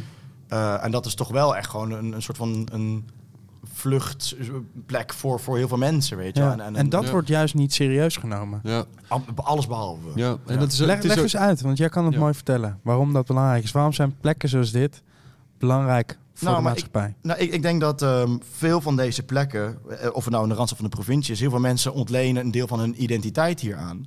Het is gewoon onderdeel van hun cultuur. Het is onderdeel van, van wie zij zijn. Weet je wel, zij gaan gewoon in het weekend gaan zij gewoon naar één of twee van dit soort plekken. En ze ontmoeten hun matties daar. En ze ontmoeten iedereen daar. En ze leven hiervoor. Ze, ze dragen shirts met, met techno erop of, of niet. Of, of ze, weet je, ze luisteren het, weet ik het, zeven dagen in de week. En het is gewoon onderdeel van wie zij zijn geworden. En ik denk, ehm, weet je, we leven, we leven in een maatschappij waarin blijkbaar de druk zo hoog is door de weeks. Dat je zo'n uitlaatklep nodig hebt in het weekend. Om, om je dat even, of jezelf te kunnen zijn, wat je blijkbaar niet kan dan door de weeks. Of even te kunnen ontladen. En ik denk dat die rol, die rol die is zo belangrijk. Ehm, en, en dat wordt compleet, compleet onderschat of, of weggeschoven of, of, of niet naar geluisterd. En als je dan kijkt door de beleidsbepalers, vind ik dat eigenlijk niet zo heel raar. Het is best wel logisch dat zij dat doen. Want denk je dat Grapperhaus naar clubs geweest is vroeger, weet je wel? Puur op naam zou die de hele tijd in een club Eigenlijk wel, ja, ja, ja. ja. Echt de hele tijd. Maar hij zou een soort, hij zou een DJ zijn die tussendoor moppen vertelt, toch? Ja, ja Een soort inderdaad. Een komiek die, eh, die, die gewoon ja, techno eh, draait. grapperhaus. Ja, ja, wat draaien? Ja, gewoon een beetje grapperhaus. eh, ja. Gewoon is om te lachen. Hans ja, Steeuwen eh, meets Ben Klok. ja, precies. Ja, nee, dat is, dat is ingewikkeld. De, en, eh, en, en, maar ja, goed, ik, je zou toch op zijn minst een minister van cultuur moeten hebben... die wel eens gewoon even lekker eh, door de bocht vliegt. Ja, maar Ja. Van Engelshoven die... eh, Die zie ik niet doen hoor. nee, met trillende vingertjes eh pak ze een pen op. Ja. Wat je net zei is dat sommige mensen kunnen door de week niet zichzelf zijn en hebben de club nodig om zichzelf te vinden. Mm. Andere mensen zijn zichzelf te veel door de week en moeten, hebben het weekend nodig om zichzelf te verliezen eigenlijk. Ja. En het is te gek dat, dat, die, dat, die, dat die twee uitersten, of eigenlijk alle uitersten die er maar zijn, elkaar in het donker treffen in een gek, ehm, in een gek keldertje Ja. of op een, op, een, op een vreemde hoek. Of, Ja. ehm, Maar ik denk dat de maatschappij en zeg maar de, de generatie die niet gewend is aan clubs, die ziet ons denk ik nog heel erg als een soort van eh, iets vies of iets eh, daarop, weet je wel, of dat de eigenaar van die club gaat met een dikke Mercedes aan het einde van de avond, Ja, avond met zakken vol met zwart geld, weet je wel. Dat denken nog steeds mensen. En ook eh, excessiviteit. Soort dat, het, dat, het, eh, dat het een luxe product is. Terwijl ehm, het, is een, het is een basisbehoefte op het moment dat je in een stad woont. Ehm, in een klein landje wat, eh, wat geen, de Gouden Eeuw geen Gouden Eeuw meer mag noemen. Nee, nou en, en de grap, en ik denk dat, dat dat gaat de komende tijd echt nog, nog meer naar buiten komen dan het afgelopen tijd is geweest. Ik heb morgen voor, uh, voor Welsmerts een interview met, um, met een Vlaamse DJ.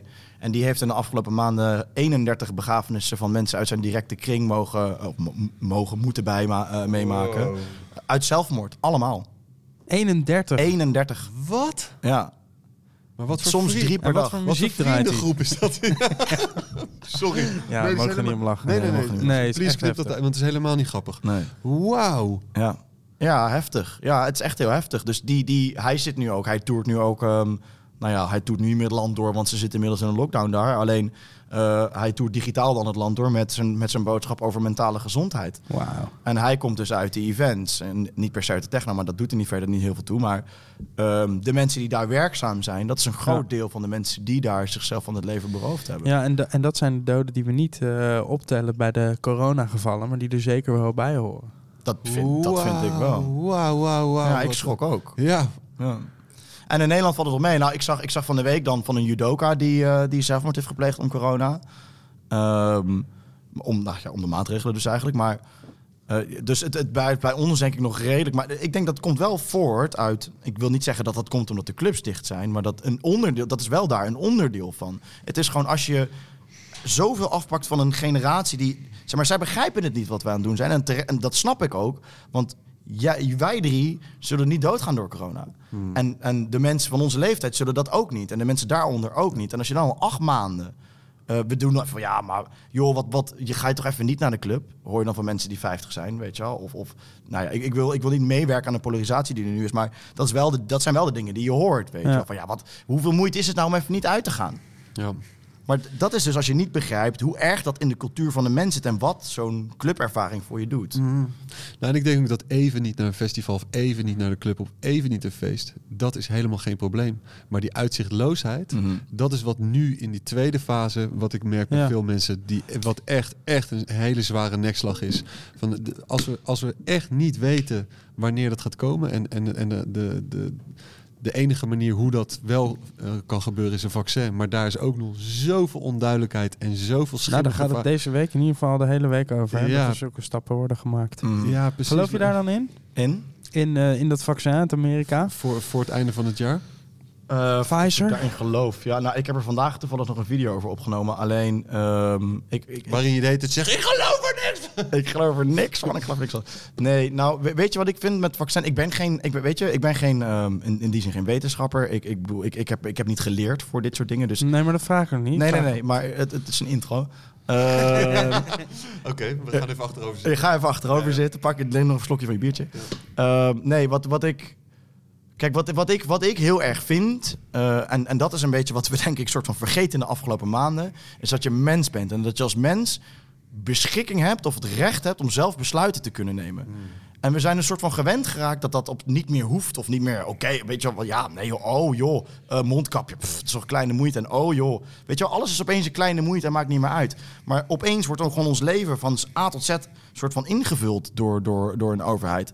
En, en, ehm, en wat betreft dat vaccin ook, dat het vaccin er komt, nou prima, weet je wel. Ik bedoel, ik hoef het niet. In een jaar tijd hebben ze een vaccin gemaakt wat een compleet nieuwe methode is, namelijk een op een RNA-virus. Wat nog nooit gebeurd is. In een jaar tijd hebben ze dat de grond gestampt, terwijl een normaal, ehm, een normaal vaccin vijf jaar erover doet. Vervolgens heeft de overheid neemt alle consequenties van het vaccin neemt op zich. Dus de maker van het vaccin hoeft niet meer te boeten voor, elk, voor één enkele fout die er door het vaccin gemaakt wordt. De overheid neemt dat maar compleet van je over. En vervolgens voor honderden miljoenen kopen wij die vaccins allemaal in. Eh, wat dan uitgaat naar die organisatie die geen verantwoordelijkheid moet af te leggen, verantwoording hoeft af te leggen voor dat vaccin. En dat moeten wij allemaal gaan nemen. Als je het wil nemen, be my guest, weet je wel. Maar ik sta er niet op te wachten en ik ga het ook niet doen. Maar dan kom je wel bij het vervolg uit nu. En, dat, en, en dit is denk ik wel waar we het nu echt over moeten gaan hebben. En je ziet het deze week ook gewoon weer met een... De jongen die zegt dat er bepaalde bonussen hangen aan het wel hebben van een vaccin. Of dat je, oftewel, je mag bepaalde dingen niet als je het niet neemt. Ticketmaster ging niet meedoen, geloof ik. Ticketmaster heeft het in Amerika heeft een protocol geschreven.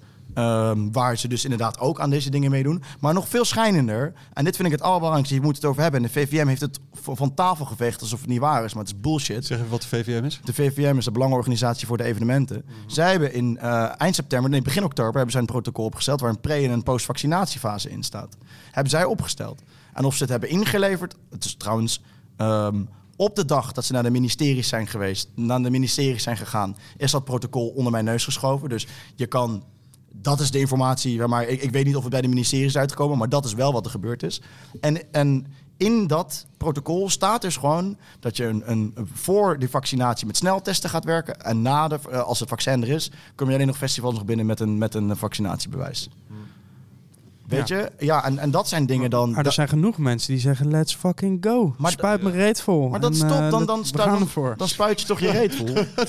Maar dat zijn, dat zijn hele andere mensen die... Ik haal even twee films door elkaar. ja, ja, ja, ja. Maar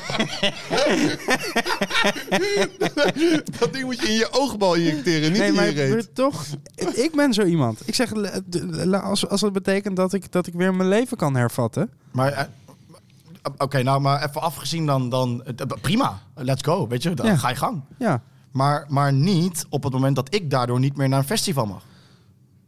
Als ik het niet doe. ja. Want ik bepaal altijd zelf nog wel wat er in mijn lichaam gaat of niet. En zeker voor een virus die niet dodelijker is dan een gemiddelde griep. Dat, dat, dat de overheid heeft bepaald om de, bezor- om de zorg te bezuinigen door de afgelopen tien jaar, waardoor we op dit dramatisch aantal IC-bedden over zijn, over zijn gebleven, is niet mijn fout. Daarvoor hoef ik niet te boeten. En wat vind je ervan dat eh, als je zeg maar zulke opvattingen erop nahoudt, dat me- mensen je gauw in een hoekje drukken en zeggen van, ah, complotdenker. Ja. Wo- Word je zo genoemd door mensen? Mm, niet, niet in mijn gezicht. Eh, Complotdenker. nu dus wel, eerste keer, thanks. Wel fijn dat iemand een keer in mijn gezicht heeft zeggen. Ja, nee, ik, ja, ongetwijfeld zullen mensen dat zeggen, man. Ja, ongetwijfeld zullen ze het zeggen. En ik vind dat, ik vind dat een... ehm, we- weet je wat het is? Ik vind dat, ik, dat is zo'n opvallend woord, dat, complot, dat complotdenken. Omdat ehm, je, zeg maar, artsen, gerenommeerde artsen en wetenschappers... Ik heb volgende week bij Weltsmerts heb ik een, een, een, een microbioloog... Die een PCR-expert, een PCR-test-expert, die ehm, uit, uit Nederland en in Zuid-Duitsland woont. Hij is door alle wetenschappers wordt hij aange, aange- aangetekend als de PCR-test-expert. En die heeft kritiek op hoe we de PCR-test doen. Het is namelijk één grote grap, die hele testmethode. En die heeft daar... hoe- hoe- Hoezo? Ik leg het straks zo uitleggen. En die heeft daar kritiek op. Die wordt weggezet als complotdenker. Die wordt van LinkedIn verwijderd. Omdat hij op wetenschappelijke wijze de PCR-test debunkt. De methode hoe wij hem nu gebruiken. Want de PCR-test aan zich schijnt een hele goede test te zijn. Ehm, en, en dan... En dat is dus een complotgek. Maar hoezo ben je een complotgek? Omdat je, omdat je kritiek hebt op iets wat afwijkt Mm, van wat de overheid zegt. Is dat, is, ben je dan complotgek? Want dan ken ik er nog wel een paar. ja. Weet je wel? Ik, ik bedoel... Ik maar vind, ben je geabonneerd op het Lange Franse YouTube-kanaal? Of ik er geabonneerd Dat, ben, dat dat kan weet niet ik meer, niet. toch? Maar, zei ze. eh, nou, ik kijk best wel eens podcasts van hem. En ik, en, ik, en ik durf dan ook wel te stellen dat ik het met heel veel dingen denk van... Ja, ik heb geen idee waar deze gozer het over heeft. Maar, maar, maar er zijn ook... Ja, maar, gelukkig. maar, nee, maar, nou ja, maar er zijn ook heel veel dingen waar ik denk van... Ja, maar wacht even. Dit zijn wel dingen die gewoon aan het licht moeten komen. En het zijn wel dingen die besproken moeten worden. En ik vind de manier hoe zo'n gozer gefileerd wordt... Ik vind dat eigenlijk een tekortkoming van je eigen gedachtegoed. Want op het moment dat je je bedreigd voelt door zo'n man... en het nodig vindt om hem zo te moeten fileren... Ja. vind ik het eerder dat het aan jou ligt dan dat het aan hem ligt. Ja. Nou, die urge heb ik niet, persoonlijk.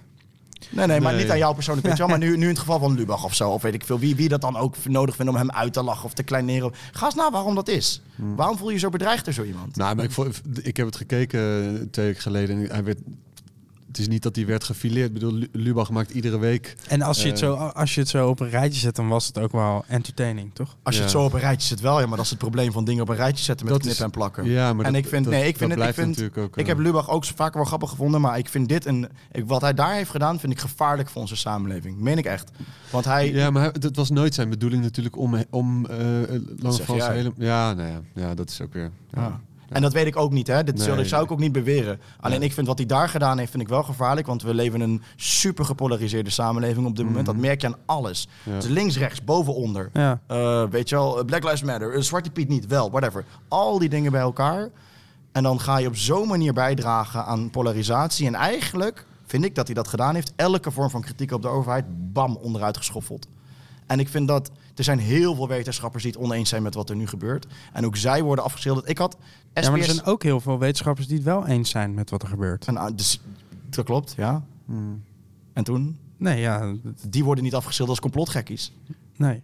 Maar de mensen die tegen zijn, worden wel afgeschilderd als complotgekkies. En ik vind dat daar moet je eens over nadenken. Want Ja, waarom maar nee, het... ik bedoel niet dat het... Kijk, niet iedereen die tegen is, heeft dan gelijk, toch? Dat, maar dat hoor je mij niet zeggen. Nee, oké. Ik zeg dat iedereen die tegen is, wordt afgeschilderd als complotgekkie. Ja.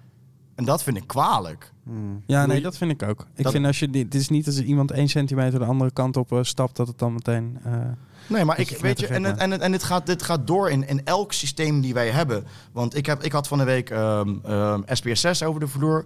Die, die, die schoot hier. En, en ik sprak, ik sprak die. ehm, Die schoten hier wat mensen dood. schoot wat mensen dood. Ehm, Eerst, vac- eerst vaccineren. Eerst vaccineren, ja. Eh, en, ik, en ik sprak met hem en hij zei... hij was ook heel kritisch. Maar hij kritisch op het beleid. En hij wilde graag kritische dingen ook aanleveren bij SPSS. Daar was geen ruimte voor, want hij was een complotgekkie... omdat hij het niet eens was met het overheidsbeleid. En, en, en, maar dan, maar ik, ik, ik vond het shocking. Want zo, zo zie je dus eigenlijk hoe dit ook in, in de mainstream media eigenlijk nu ervoor staat. Wijk je af van het overheidsbeleid bij een complotgekkie. En mag, is dus hetgeen wat jij aanlevert, ook al is het zo goed als, als wat, is dus complotgekkie. En dat hoeven we dan niet meer te plaatsen of hoeven we niet meer naar te kijken. Klaar. Terug naar de club. Terug Ja. naar de club. Hoe zie je de toekomst dan? Ehm, Als jij het mocht zeggen. Nu op korte termijn? Ja. Ik- Voor mij mag alles gewoon weer nu direct weer open. Zeker. Ik weet je wat het is? Als je echt naar die, als je echt, als je echt open, eerlijk naar de cijfers durft te kijken, dan kan je daar ook niet omheen. We hebben een, een, een, een probleem in de zorg in de afgelopen jaren. In 2014 lagen de IC's vol, werden, werden mensen van IC naar IC verplaatst, soms naar Duitsland verplaatst. En dit verhaal kopieer en plak ik even naar 2016, naar 2018. Dat zijn allemaal jaren waar de IC's propvol lagen, overstroomd lagen. Je kan het de krantenartikelen teruglezen. En, en mensen, patiënten, eh, met luchtwegklachten, want toen waren het enkel nog luchtwegklachten, nu is het allemaal corona. En verplaatst werden van IC naar IC naar IC en soms aan een ander land zelfs verplaatst werden, omdat we het zo'n druk hadden op de, op, de, op de zorg. Dat heeft nog nooit iemand iets geboeid. En dat vind ik, dat is natuurlijk kwalijk aan zich genoeg. Die zorg moet natuurlijk gewoon opgepompt worden. Ga daar eens in investeren. Al die miljarden die je verliest nu in het omhoog houden van al die bedrijven en de economie, had je daarin moeten proppen. Die had je daarin moeten stoppen.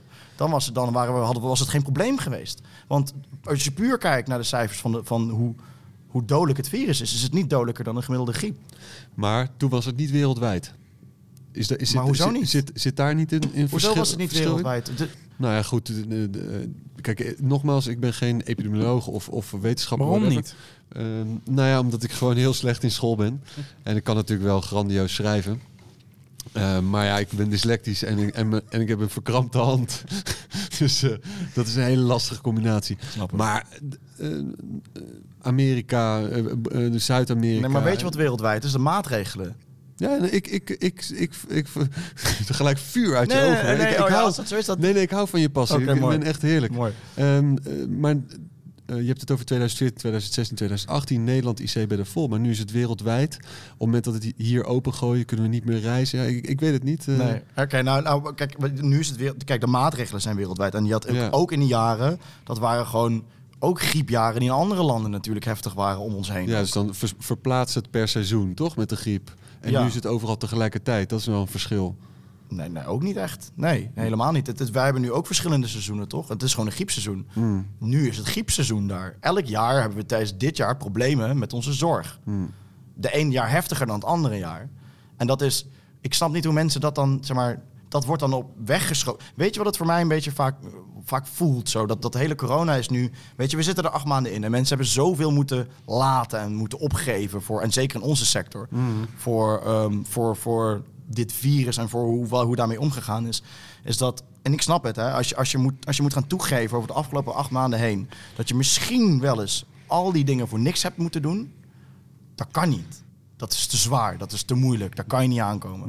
Het, is, het voelt voor mij vaak als een soort van geloofsovertuiging, waarin je dit moet overeind blijven staan, want anders hebben we dus al die tijd al die shit voor niks gedaan. En ehm, want als je echt puur naar de cijfers, ik, ik weet je, ja, als je alle cijfers naast elkaar legt, en dat is gewoon het makkelijke. We hebben al die cijfers van al die jaren. En als je ziet dat het dit jaar niet per se afwijkt van, van een ander wel heftig griepjaar qua wat er in de zorg gebeurt en qua hoe dodelijk het is en welke mensen eraan doodgaan. Sterker nog, aan, aan, aan een goed influenza-seizoen gaan meer jonge mensen dood dan aan corona. Ehm, weet je wel? En, en als je al die dingen gaat bekijken, ook dat hele PCR-testverhaal, en als je bij alles bij elkaar Oh, daar je nog op terugkomen. Ik zou ik op terugkomen. Ja, ja. Wat, wat gaat er mis met die test? Oké, nou, ik voel me inmiddels echt PCR-expert, terwijl ik het niet voor geleerd heb. We maar niet een stokje? Kan je het niet even bij mij doen? Of met een sticker of zo? Met een... heb, ik heb het zelf nooit gedaan, ga het ook niet doen. maar ehm, nee, ja, wat, wat, ik, wat ik weet van die PCR-test inmiddels, en ik heb er veel wetenschappers over gesproken en ook, ehm, ook voor mogen interviewen hierover. Ehm, en, en, en die PCR-test is eigenlijk een testmethode. Dus je pakt een stukje virus ergens uit. Jezus, wordt een heel technisch verhaal zo. Ja. Dus je, je, je, neemt, je neemt een virus uit je neus of uit je keel of whatever. En dat gaat in een machine. En eigenlijk vergroot dat iedere keer die sample die er zit. Omdat het anders te klein is om te meten of er iets zit. Normaal gesproken doe je dat tot, dat heet een cycli. Dus per keer dat je het vergroot heet het cycli. Normaal gesproken doe je dat tot 25 cycli. Dat is algemeen over de hele wereld afgesproken. Dat is het aantal, daar kun je er nog iets over zeggen. Dan kun je nog steeds niet zeggen of iemand besmet is.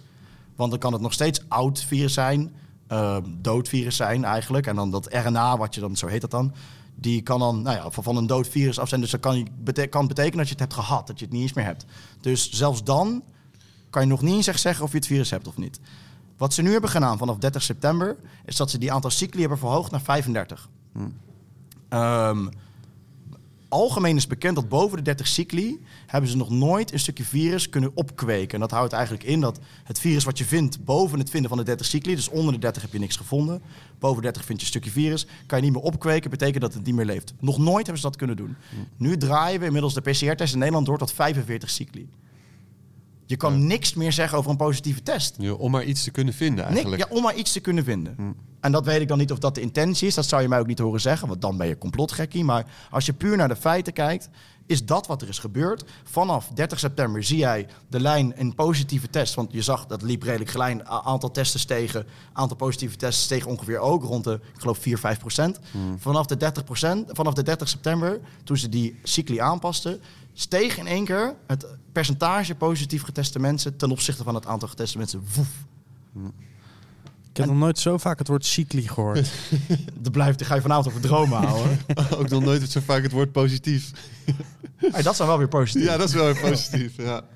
Ehm, maar om even om, om een soort van conclusie aan te verbinden. ja. Ik, niet iedereen heeft de tijd om, om, hier, om hier zo absurd veel tijd in te stoppen als wat ik heb gedaan. En dat, dat hoeft ook niet. Alleen wat ik, wat, ik, wat ik wil of zou willen graag, is dat je, we worden zo eenzijdig bericht door alles van de mainstream media. En, dat zou eigenlijk al opvallend genoeg moeten zijn. Is maar, weet je wel, als je gewoon echt gaat kijken naar wat hier nou aan de hand is. En bij jezelf echt gaat afvragen van wat voor een maatschappij wil ik. Ik denk dat dat nog de allerbelangrijkste vraag is. Van wil je straks verplicht eh, gevaccineerd moeten worden voor een, voor, voor een evenement? Of wil je, weet je wel, eh, weer een lockdown moeten kunnen? Of wil je straks, want het begint bij een vaccin voor COVID, maar straks hebben we ook een vaccin voor influenza. Of een vaccin voor dit virus of dat virus. En het houdt niet op. Dus wat, weet je wel, wat, wat wil je voor ik heb jezelf? vroeger ook alle, alle vaccinetjes genomen en ik ga prima. Ja, maar dat is Ja. ook mooi voor je. Maar er zijn ook mensen die van die vaccinetjes...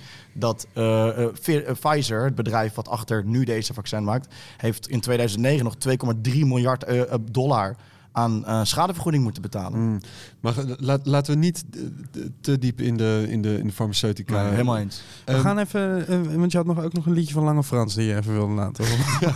en, en, Die anthem graag. en, en we hadden het net over de toekomst, maar ik wil ook graag weten hoe het, hoe het nu gaat. Dus Ja. laten, we- laten, we, laten we een antempje...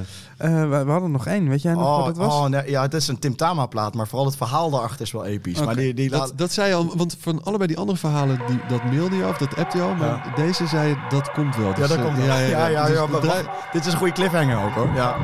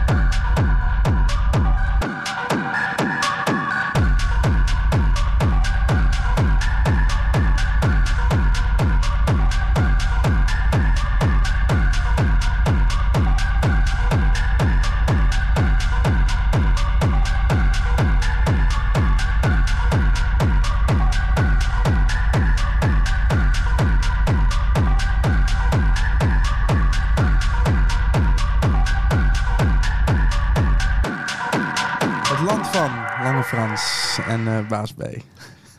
Oh nee, en, Jor- en. Jorn Luca. Tim Tama. Tim Tama. Ja. En een ingewikkeld verhaal had je erbij. Nou ja, het is wel heel grappig. Ehm, of nou ja, ja, achteraf vind ik het heel grappig. Ik was, ehm, ik was aan het draaien hier en ik. ehm, eh, Ik, deed- dat was ik, niet deze plaat stond, stond op, stond een andere plaat op. En ik, ik, moest, eh, ik moest echt heel erg nodig pissen. En ik zei, ehm, ik zei tegen, de, tegen de stage manager, ik zeg, luister, ik heb de volgende plaat klaargezet. Ik ga even zeiken. Ehm, maar het was super druk. Het was, ik, volgens mij was het ons vijf jaar bestaan. Ja, het was 100% ons vijf jaar bestaan. En, ehm, en nou ja, de- in de club, zeg maar, jullie weten waar de wc's is. Je moet heel de zaal door en dan moet je de trap naar beneden en dan kom je weer de wc's uit. En ik zag hoe super druk het was. Ik dacht, nou ja, dit ga ik, dit ga ik sowieso niet halen. Dus ik dacht, ik, eh, je hebt een nooduitgang achter in de backstage. En dan ga je een trappetje op en dan kom je op een soort binnenplaats uit. En eh, dus ik zei tegen mijn stage manager, ik zeg, ik zet toch even voor de zekerheid even een track klaar. Voor het, mocht ik het niet halen op een of andere gekke manier. Maar ik ga even hier zeiken, want het is echt veel te druk om de zaal in te lopen. En eigenlijk ga je normaal daar nooit naar buiten. Dus ik word prima. Dus ik, ik, daar, naar buiten, ik daar naar buiten gelopen. En verzeikte, ah, oké, chill zeiken. Dus ik wil weer terug. Maar die deur kan je dus, Deur dicht. Ja, die kan je dus van de bui- buitenkant niet openmaken. Dus ik sta daar. Ik zeg, oké, een telefoon. Kut! Mijn telefoon ligt binnen. Oké, oké, dan moet ik dus omlopen. Maar dat betekent dus dat je nou ja, helemaal om moet lopen boven voor, via langs de winkels en dan weer de gracht naar beneden en dan via de voort terug naar binnen moet komen. Maar er is dus ook één hek, een heel hoog hek met spijlen en, en, en een soort dak erboven waar je echt op geen mogelijkheid doorheen komt. Dus ik naar dat hek toe. Kut, dat hek dicht. Ja, fuck, ik zit hier vast. ik zit hier gewoon vast. Dus ik, ik teruggelopen, maar de muziek staat natuurlijk volle bak aan. En je moet twee deuren door voor je binnenplaats komt. Ik bonk op die deur, bonk op die deur. Ja, dat hoort natuurlijk niemand. Dus ik had op een gegeven moment gewoon opgegeven, man. Dus ik ging gewoon daar op een muurtje zitten. En ik dacht, ja, die steeds minder zal op een gegeven moment wel gewoon moeten Ja, denken... ja. Waar blijft hij eigenlijk? En ik hoor die muziek en ik hoor hem gewoon aflopen, die track. Ik hoor hem aflopen. En eh, op een gegeven moment hoor ik gewoon een nieuwe track, een nieuwe track inmixen. Dus hij was gewoon die nieuwe track aan het inmixen. En ik stond daar nog steeds. En ik heb daar denk ik serieus denk ik, een kwartier gestaan of zo buiten. Met van kut, ja, ik, ik wist gewoon niet meer wat ik moest doen, man. Over Stage klimmen. manager pakte even zo'n momentje. Ja, precies. dacht, ja, dag. dag. Ja. Hey, ik weet precies wat aan de hand is. Hij zat daar vast. Ik ga gewoon drie tracks draaien. Nee, ik heb echt tien minuten gestaan. Toen op een gegeven moment kwam hij naar boven. Gozer, wat doe je hier? Je moet er naar binnen, man. Ik ben al één track aan het inmixen en bla bla. En toen stond deze track dus op. Dus ik terug naar binnen gesprint. En, en toen was die track aan het draaien. Ja, dan is het wel een anthem. Dat is wel een anthem, toch? Ja. Net te kort om te pissen. Net te kort om te pissen. Ja, eh, volgens mij kent echt los van hij en ik kent bijna niemand dit verhaal. Ik heb het echt nog bijna tegen niemand verteld. Maar toen, inderdaad, toen jullie me vroegen om die track, schoot me eigenlijk gelijk dat moment te binnen. Toen ben ik die track gaan terugzoeken in die playlist. en eh, toen heb ik hem gevonden, ja. Lekker zeg. Eh, je zei al eerder dat je vaker draaide eh, voordat je basis begon. ja. Eh, draaide je zelf tijdens dat de basis open was, draaide je nog vaak? Ehm, ja, zeker. Ja, toen heb ik wel echt de meeste gigs gehad, ooit eigenlijk. En eh, ook wel een Op basis. het moment maar dat je jezelf kon boeken, heb je op het moment dat ik mezelf kon boeken, elke week stond ik een basis. Ja. Heel gek, weer headline. Ehm, nee, nee, nee. Ik heb niet eens toen heel veel in basis gedraaid. Maar toen stond ik echt best wel veel plekken in Nederland te draaien. Ook wat buitenland gigs gehad en zo. Ja, was best wel leuk. Terwijl ik nooit echt het idee had gehad om met dat DJ heel veel te doen. Maar dat, dat liep gewoon op een gegeven moment. En eh, dat liep wel lekker. Maar op een gegeven moment toen wel al richting maart al besloten om het wat minder te gaan doen. Omdat de weekenden werden redelijk zwaar. En werd, was, eh, werd iets te veel gefeest. En dat merkte ik nog wel op maandag en dinsdag. Toen wat naar beneden geschroefd. En eigenlijk, ehm, ja, nou, maar eigenlijk gedurende deze hele periode heb ik wel gewoon besloten om het gewoon, gewoon niet meer te doen. Om er gewoon mee te stoppen. Jo. Ja, man. Ja. Dat hoor ik wel van meer mensen. Ja, hè? Ja. Ja. Ja, ermee te stoppen. En, ik moet je ook zeggen, ik, ehm, al- als we nu... Want, want we hebben net natuurlijk best wel een, een, een, eh, een goede, goede discussie gehad over dit alles. En ik merkte dat ik mezelf een beetje liet meeslepen in het hele verhaal. Maar het komt omdat het me wel echt aan het hart ligt, weet je wel. En ehm, Maar je hoort ons ook niet zeggen dat het je niet aan het hart ligt, hè? Nee, helemaal eh, wij- niet. We respecteren helemaal jouw kijk op... eh, ja, ja, en zo voelt het ook helemaal hoor. Ja. Ik, voel me ook, ik voel ook helemaal niet dat ik jullie aan het overtuigen ben of zo. Nee. Absoluut niet. Alleen het voelt misschien meer dat ik soort van de mensen aan het overtuigen ben. Terwijl dat eigenlijk nooit mijn idee was van, weet je wel, ik bedoel, ja, ik doe natuurlijk nu ook interviews en zo en het is een paar keer voorbij gekomen, maar ehm, dat ben ik allemaal gaan doen om, om niet mensen mijn mening op te dringen, maar meer wat ik gewoon heel erg probeer is mensen voor zichzelf weer na, na te laten denken. En, Mm. ik, en ik denk dat dat werkt natuurlijk niet op een, op een soort van nou ja, manier wat ik net probeer te doen om te overtuigen, maar er is zoveel over te vertellen en dat probeer dan in een korte tijd te proppen. Ehm, maar wat ik, wat ik echt, wat ik gewoon hoop is, en dat, dat merk ik gewoon dat er mis is, dat we gewoon zelf weer een mening over iets gaan vormen. En, en zelf met elkaar in gesprek gaan van hoe willen we nou eigenlijk echt deze wereld in elkaar eh, steken. En, en wat willen we nou echt met deze wereld. Ik denk dat, dat, ik heb het gevoel dat dat heel erg mist. En ik zie wel echt soort van systeemrotten in verschillende systemen. En dat, daar ben ik wel echt achter gekomen door zoveel tijd te spenderen in de materie in de afgelopen tijd. En, ehm, en dat, dat daar is corona. is daar één klein dingetje van, misschien een katalysator. Maar het is voor mij veel meer dat ik, dat ik, dat ik hoop dat gewoon de wereld gewoon een betere plek wordt.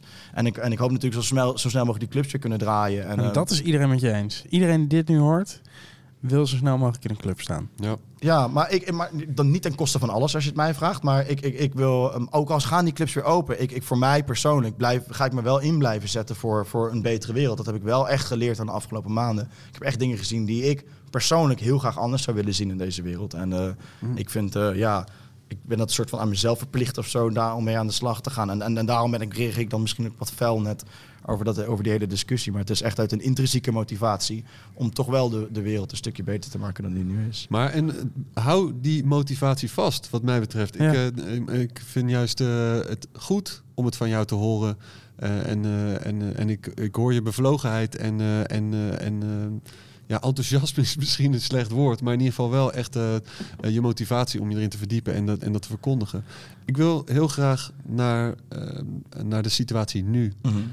Um, hoe is het met basis? we hadden het net al even over die WhatsApp-groep. Hoe, wat is de sfeer onder personeel bij jullie? staat het water aan de lippen? Ja, nou, het water staat gelukkig niet aan de lippen. Um, kijk, voor Joost en mij geldt dat we ook nog wat andere bedrijven ernaast hebben. Uh, waaronder dus een, een, evenementenbureau waar we nachtcollege mee doen en nog wat andere evenementen en zo. En daar hebben we gelukkig afgelopen zomer zijn we goed verzekerd geweest. Ah. Um, door Joost trouwens. Even, even een kleine en hele grote shout-out naar Joost op, op, op, dit gebied. Want ik zat ook wel een leuke anekdote. Ik zat in Kaapstad in februari en toen begon dit natuurlijk allemaal een beetje te spelen. Mhm. Mm. En we hadden een festival staan voor geloof ik 6.000, 7.000 man in Eindhoven in de winter. In, in, uh, in oh, het eerste weekend van maart trouwens, toen het allemaal begon. Nee, het tweede weekend van maart, dus toen dit allemaal begon. En hij belde mij op toen ik in Kaapstad zat van ja, we zijn wel verzekerd, maar uh, ik wil toch pandemieën erbij verzekeren man. Ik zeg, gozer, het is anderhalf duizend euro extra laten we die even in ons zak houden. Ja. Uh, rot even op met je pandemieverzekering bangen. Het is China. Pff, we, we, gaan, we trappen er niet in, weet je wel. En, uh, uh, en toen, toen oké, oké, okay, nou prima, morgend uh, telefoon opgehangen. Volgende dag belt hij me weer op. Zegt ja, ik heb niet kunnen slapen vannacht, man. Ik wil die verzekering hebben. Ik zeg, Ja. Nou, weet je, Joost, zo gaan Joost en ik wel gelukkig altijd. Als hij iets wil, doet hij het. Als ik iets wil, dan staan we zijn altijd cool, zijn we altijd achter elkaar. Dat is prima. Weet je, uh, verzeker even die events lekker met die pandemieverzekering extra. Kies jij er maar voor om die anderhalf, anderhalf duizend euro per event weg te donderen. Dat komt wel goed. En toen, uh, toen knalde alles in elkaar. En toen waren we voor pandemie verzekerd. Wat dus inhield dat we voor zowel onze kosten als, uh, nou, als, als een, een, andere deel ook verzekerd waren. Andere deel, winst. Ja. In, inkomsten, ja. Ja. Wauw. Ja, dus dat heeft wel. Um, ja, ja dat, dat, heeft, dat heeft wat dat betreft gezorgd voor dat we er met die BV onwijs goed voor staan. Mm. We hebben nog een managementbureau die er. Die, nou ja, die, financieel zijn we er gelukkig met alle bedrijven heel erg goed voor. Mm. Alleen de tendens die ik merk bij, bij um, een deel van mijn partners, maar ook uh, veel van, van de ondernemers door heel Nederland eigenlijk, is van ja, al overleven het net met een soort van staatsinfuus, waardoor we net overeind blijven tot hoe lang blijft dit eigenlijk nog leuk zonder enige vorm van uitzicht op iets wanneer we wel weer kunnen Ja, want het uitzicht is dat er geen uitzicht is. Precies, ja. ja. Dus ik, ik, voor, zeg maar voor mij, ik, ik, bedoel, ik ben een soort van heel blij dat ik in deze periode totaal financieel onafhankelijk mijn ding heb kunnen doen en daardoor helemaal vrij me heb kunnen verdiepen in alles. En daardoor en ook de vrijheid heb kunnen, kunnen ervaren om, om hier zoveel tijd in te stoppen. Uh, in de wetenschap dat het er financieel goed voor staat en dat ik weet dat ik er niet aan kapot ga. Mm -hmm. Dus ik heb een soort van die Mensen denken vaak dat ik het allemaal doe omdat, omdat mijn wereld in elkaar stort en omdat ik financieel uh, geen set meer te makken heb en dat alles kapot gaat. Maar dat is niet zo. Hm. Wij hebben gelukkig de bedrijven er zo voor gezet dat het er financieel voor staat en dat we nu wel dit wel een tijd kunnen blijven rekken. Alleen maar hoe lang kan je dit nog rekken? Met de club? Ja. Alleen naar de club kijken? Financieel, op, met de steunpakketten die er nu ja. liggen, pff, ja, echt nog een, genoeg. Een, echt, echt wel een periode. We hoeven niet kapot te gaan. Hm. We hoeven echt niet kapot te gaan. Dat is echt heel fijn om te horen. Ja. Toch? Voor, voor, misschien er zijn een, een, hoop mensen die dit niet weten. En een hoop Utrechters die, uh, de, waar dit, dit hun technotempel is. Ja. En, uh, en, Maar- en dus dit blijft bestaan. Ja, als aan ons, nou, als wij dat willen wel. En dat komt niet omdat we nou zulke grandioze steunpakketten hebben. Hè? Want dat ligt voor de, voor de clubs is het dramatisch slecht geregeld. Want we vallen Mm. onder horeca, terwijl dat zijn we eigenlijk helemaal niet. Nee. Uh, maar we mogen niet van de cultuurpotjes mee, mee pakken. Nee, maar want als je horeca was, mocht je wel open. Ook dat eigenlijk. Ja, ja, nu dan niet meer, maar voorheen ja, inderdaad. Uh, maar ook de cultuurpotjes van waar, waar de poppodia gebruik van kunnen maken, mogen wij allemaal geen gebruik van maken. Dus Mhm. onze, onze, onze vergoeding is, is karig. Maar wij hebben het geluk gehad dat we er financieel gewoon goed voor stonden, dat we het op deze manier kunnen rekken. Ehm, wel, onze managementfees hebben we stopgezet. Al gelijk van het begin af aan. Ja. Dus voor ons persoonlijk... eh, Nou ja, en het groot, grote verschil is natuurlijk restaurants eh, eh, kunnen eh, een terras eh, alsnog draaien, kunnen, kunnen thuis, thuispakketten takeaway, kunnen ook koffie, koffie aan to go, whatever. Mhm. En een nachtclub. Nee. Ja, Beetje lastig om die pillen takeaway, eh toch? Ja. Krijg je allemaal problemen mee. Ik heb wel problemen. Wel veel geld verdienen waarschijnlijk. Ja. Nee, maar we hadden nog... ehm, we nog duidelijk een opmerking van iemand die niet een eh, eigen plek heeft. Ja, precies. Ja, ja, ja. Eh, maar we hadden natuurlijk nog de, de, de sportclubs hier binnen de afgelopen paar maanden. Oh, vertel- nou ja, natuurlijk. Voor de mensen die ja, niet... ja, nee, ja, jullie hebben de fietsen gezien, maar de, de, de mensen niet. Maar eh, we hadden Rose Cycle en One Fit hadden we in de club. Dus ehm, eh, dat hadden we dan nog een soort van de zaterdag en zondag vrijgehouden. Voor het geval dat we weer mochten gaan draaien. Toch een kleine hoop of zo, weet je wel. Ja, ja, ja. Ehm, maar nee, dus dat, ja, dus dat ging eigenlijk wel. Nou ja, daar hadden we in ieder geval nog een deel van onze huur van kunnen dekken. Ja. Dus dat was nog echt best wel lekker toen. Ehm, als je over het lekker kunt hebben. Maar in ieder geval dat het geluk hadden wij als club zijn dat we nog in wel iets hadden kunnen doen hier, waardoor we iets van geld in het laadje kwam. Dat is inmiddels ook wel weer gestopt door de nieuwe maatregelen. Maar het is toch ook lijp dat je hier dus wel eh kaart mag fietsen in het zweet. Maar zweten. Ik stond hier een, een Heineken, want we hadden nog een volle ehm, eh, biertank beneden. En Heineken kwam die ophalen, want we zagen natuurlijk wel dat dat even niet meer ging gebeuren. En toen kwam ik hier dus inderdaad binnen 's ochtends. En dan stond die hele club staat dus vol met fietsen dan. Eh, op keiharde muziek staan ze zich inderdaad helemaal eh, eh, in de ronde te fietsen, zweet. En, eh, en het, vo- het voelde gewoon eigenlijk als een clubavond, maar iedereen zat op een fiets. En ik zag de absurditeit. Ik stond, ik stond daar achter aan, aan de hoek van de grote bar. En ik zat inderdaad te kijken. En dat is precies wat jullie zeiden nu. Ik dacht van, dit is zo ontzettend absurd. Ik, kan, ik heb er eigenlijk geen woorden voor. waar stond weet ook een DJ dan? Dat stond- heb ik ook gezien. Dat Ja. gebeurt ook. Maar dacht je niet heel even van, dit zou wel eens een keer het nieuwe clubben kunnen worden? Met fietsen. Ja, dat iedereen gewoon zijn eigen fiets gewoon... alleen, maar, ook. alleen maar Serge boeken van Clown. Ja, ja. En, en wodka in die bidon, weet je? Gewoon, Ja, ja. ja. Eh, nee, nee, dat had ik dit niet per se gedacht. Maar, ehm, nee, maar ik, ja, ja, het was absurd. Ja, het ziet er heel raar. Dat is een rare gewaarwording dat dat dan wel mag. En, eh, en, en, en een club met, met 30 man mag dan blijkbaar niet. Ja. Maar ja, zie je daar een toekomst in? Zie je een toekomst in een club met 30 dat, man? Ja, of was dat überhaupt een optie geweest? Nee, nee. Nee, En we hebben ook eigenlijk van het begin af aan besloten, toen namelijk nog wel veel mensen met dat zitten, zitten clubben en zo, hebben we eigenlijk gelijk gezegd, dat gaan we gewoon niet doen. Want eh, één, je bent politieagent aan het spelen de hele avond. Je, je, je, weet je, dat vind ik ook zo grappig, want de mensen willen dit eigenlijk allemaal niet, die, die maatregelen. En de jongeren hebben natuurlijk gewoon continu doorgefeest de hele tijd. Dus dan ga je ze in een club halen waar ze wel weer willen feesten, maar nee, dan ben je tien portiers extra aan het inhuren om ze continu op kont te laten zitten. Ja. wat is dat ook, weet je wel? Dus toen hebben we gelijk gezegd, dat gaan we gewoon niet doen, ook al brengt het misschien iets wat geld in het laadje. We willen gewoon Weet je, we vinden basis staat ook gewoon ergens voor. En dat is niet voor dit. En ik ben daar misschien zo principieel tot ergernis aan toe, tot een compagnons. Maar ehm, ja, ik vind gewoon, eh, ja, je principes zijn ook wat waard. Ja, zittend, zittend in de club is eh, naar de club gaan in het donker is toch eh, onhandig tegen elkaar aanstoten. Eh, een, ver- een verkeerde aanspreken. Een verkeerde aanspreken, daar toch uiteindelijk 2,5 uur mee eh, aan de bar hangen. En als je, als je moet zitten, dat, dat, is, Nee. eh, dat werkt toch echt niet. Nee. Nee. Ah, mensen vonden het denk ik op dat moment nog wel leuk of zo, omdat ze gewoon niks anders hadden. Of ja, een illegale. Maar Nou, het is uiteindelijk de keuze van, van iedereen natuurlijk. ja, eh, ja, en wij besloten om, dat, eh, om, daar, om daar niet in mee te gaan. Omdat, ja, weet je, de club is gewoon een club. En, je, en, en wat, wat we in het begin van het gesprek al zeiden, die, die, die nachtcultuur is denk ik zo belangrijk voor, voor de maatschappij. En, en ehm, door hem dan in te gaan vullen door hier met 30 man te gaan zitten, dat, dan, dan vervul je niet die rol die je eigenlijk zou moeten vervullen. De vooruitzichten zijn nog steeds eh, troebel. En dat bl- blijft ook nog wel eventjes zo, denk ik. Maar als we dan toch een, eh, een stip aan de horizon gaan zetten. Eh, dus er komt een avond straks dat eh, de baas weer open mag. Mhm. Zoals je wil dat die open gaat. Mhm. Hoe ziet die avond eruit? Die eerste avond. De, de eh, Set Me Free corona party. Ja, ik denk dat die op zijn minst 24 uur achter elkaar moet doorgaan. Ja, jullie hebben zo'n we- vergunning, hè? Ja, ja zeker. Ja. Ja. Ja. Dat, nu, ik weet niet hoe het met de nieuwe burgemeester eruit gaat zien. Maar we hebben, als Utrecht hebben we altijd eh, 24 uur vergunningen gehad. Ja, horecavergunningen waren gewoon, pff, mag je gaan. Dus nee, die hebben we. Dus daar kunnen we ook gebruik van maken. Ik denk dat dat wel eh, zou moeten zijn. Maar ik, ik, wat, ik, wat ik vooral hoop is dat we, als we open gaan, dat we gewoon, eh, ja, ook net poli- polarisatie een paar keer genoemd, maar dat we die gewoon even achterwege kunnen laten. En uiteindelijk is dat denk ik toch ook waar onze hele clubcultuur voor staat Ja. is dat we eh, met z'n allen gewoon, weet je wel, eh, of je links, rechts, boven, onder, eh, zwart, wit, whatever de fuck bent. Dat je met z'n, met z'n allen gewoon hier gewoon je kunt feesten en, en, en je dingen van door de week even kunt vergeten. En gewoon even ergens anders bent. Ja. En, en ik, hoop, ik hoop vooral, ik denk dat dat is misschien een metafoor wat ik dan hoop, wat dan ook de hele, ma- in de, in de hele maatschappij bereikt. Is dat we een keer niet meer zo tegenover elkaar staan. Maar dat we gewoon een keer, ja, dat we met elkaar ook al v- verschillen weer van mening. Maar dat we wel gewoon een soort van consensus hebben bereikt van oké, dit is het. En we zijn uiteindelijk mensen. En, en dat is denk ik de, gemeen, de, de gemeenschappelijke delen met ons allen. We zijn mensen. En in die hoedanigheid staan we hier gewoon eh, te feesten met z'n allen. En met vaccin kom je er niet in. Met de vaccin kom je er niet in. Nee. Dat wil ik dan wel nog even zeggen. Ja, Zo inclusief als alles, maar met een vaccin kom je er Kom je niet er in. absoluut niet in. Nee.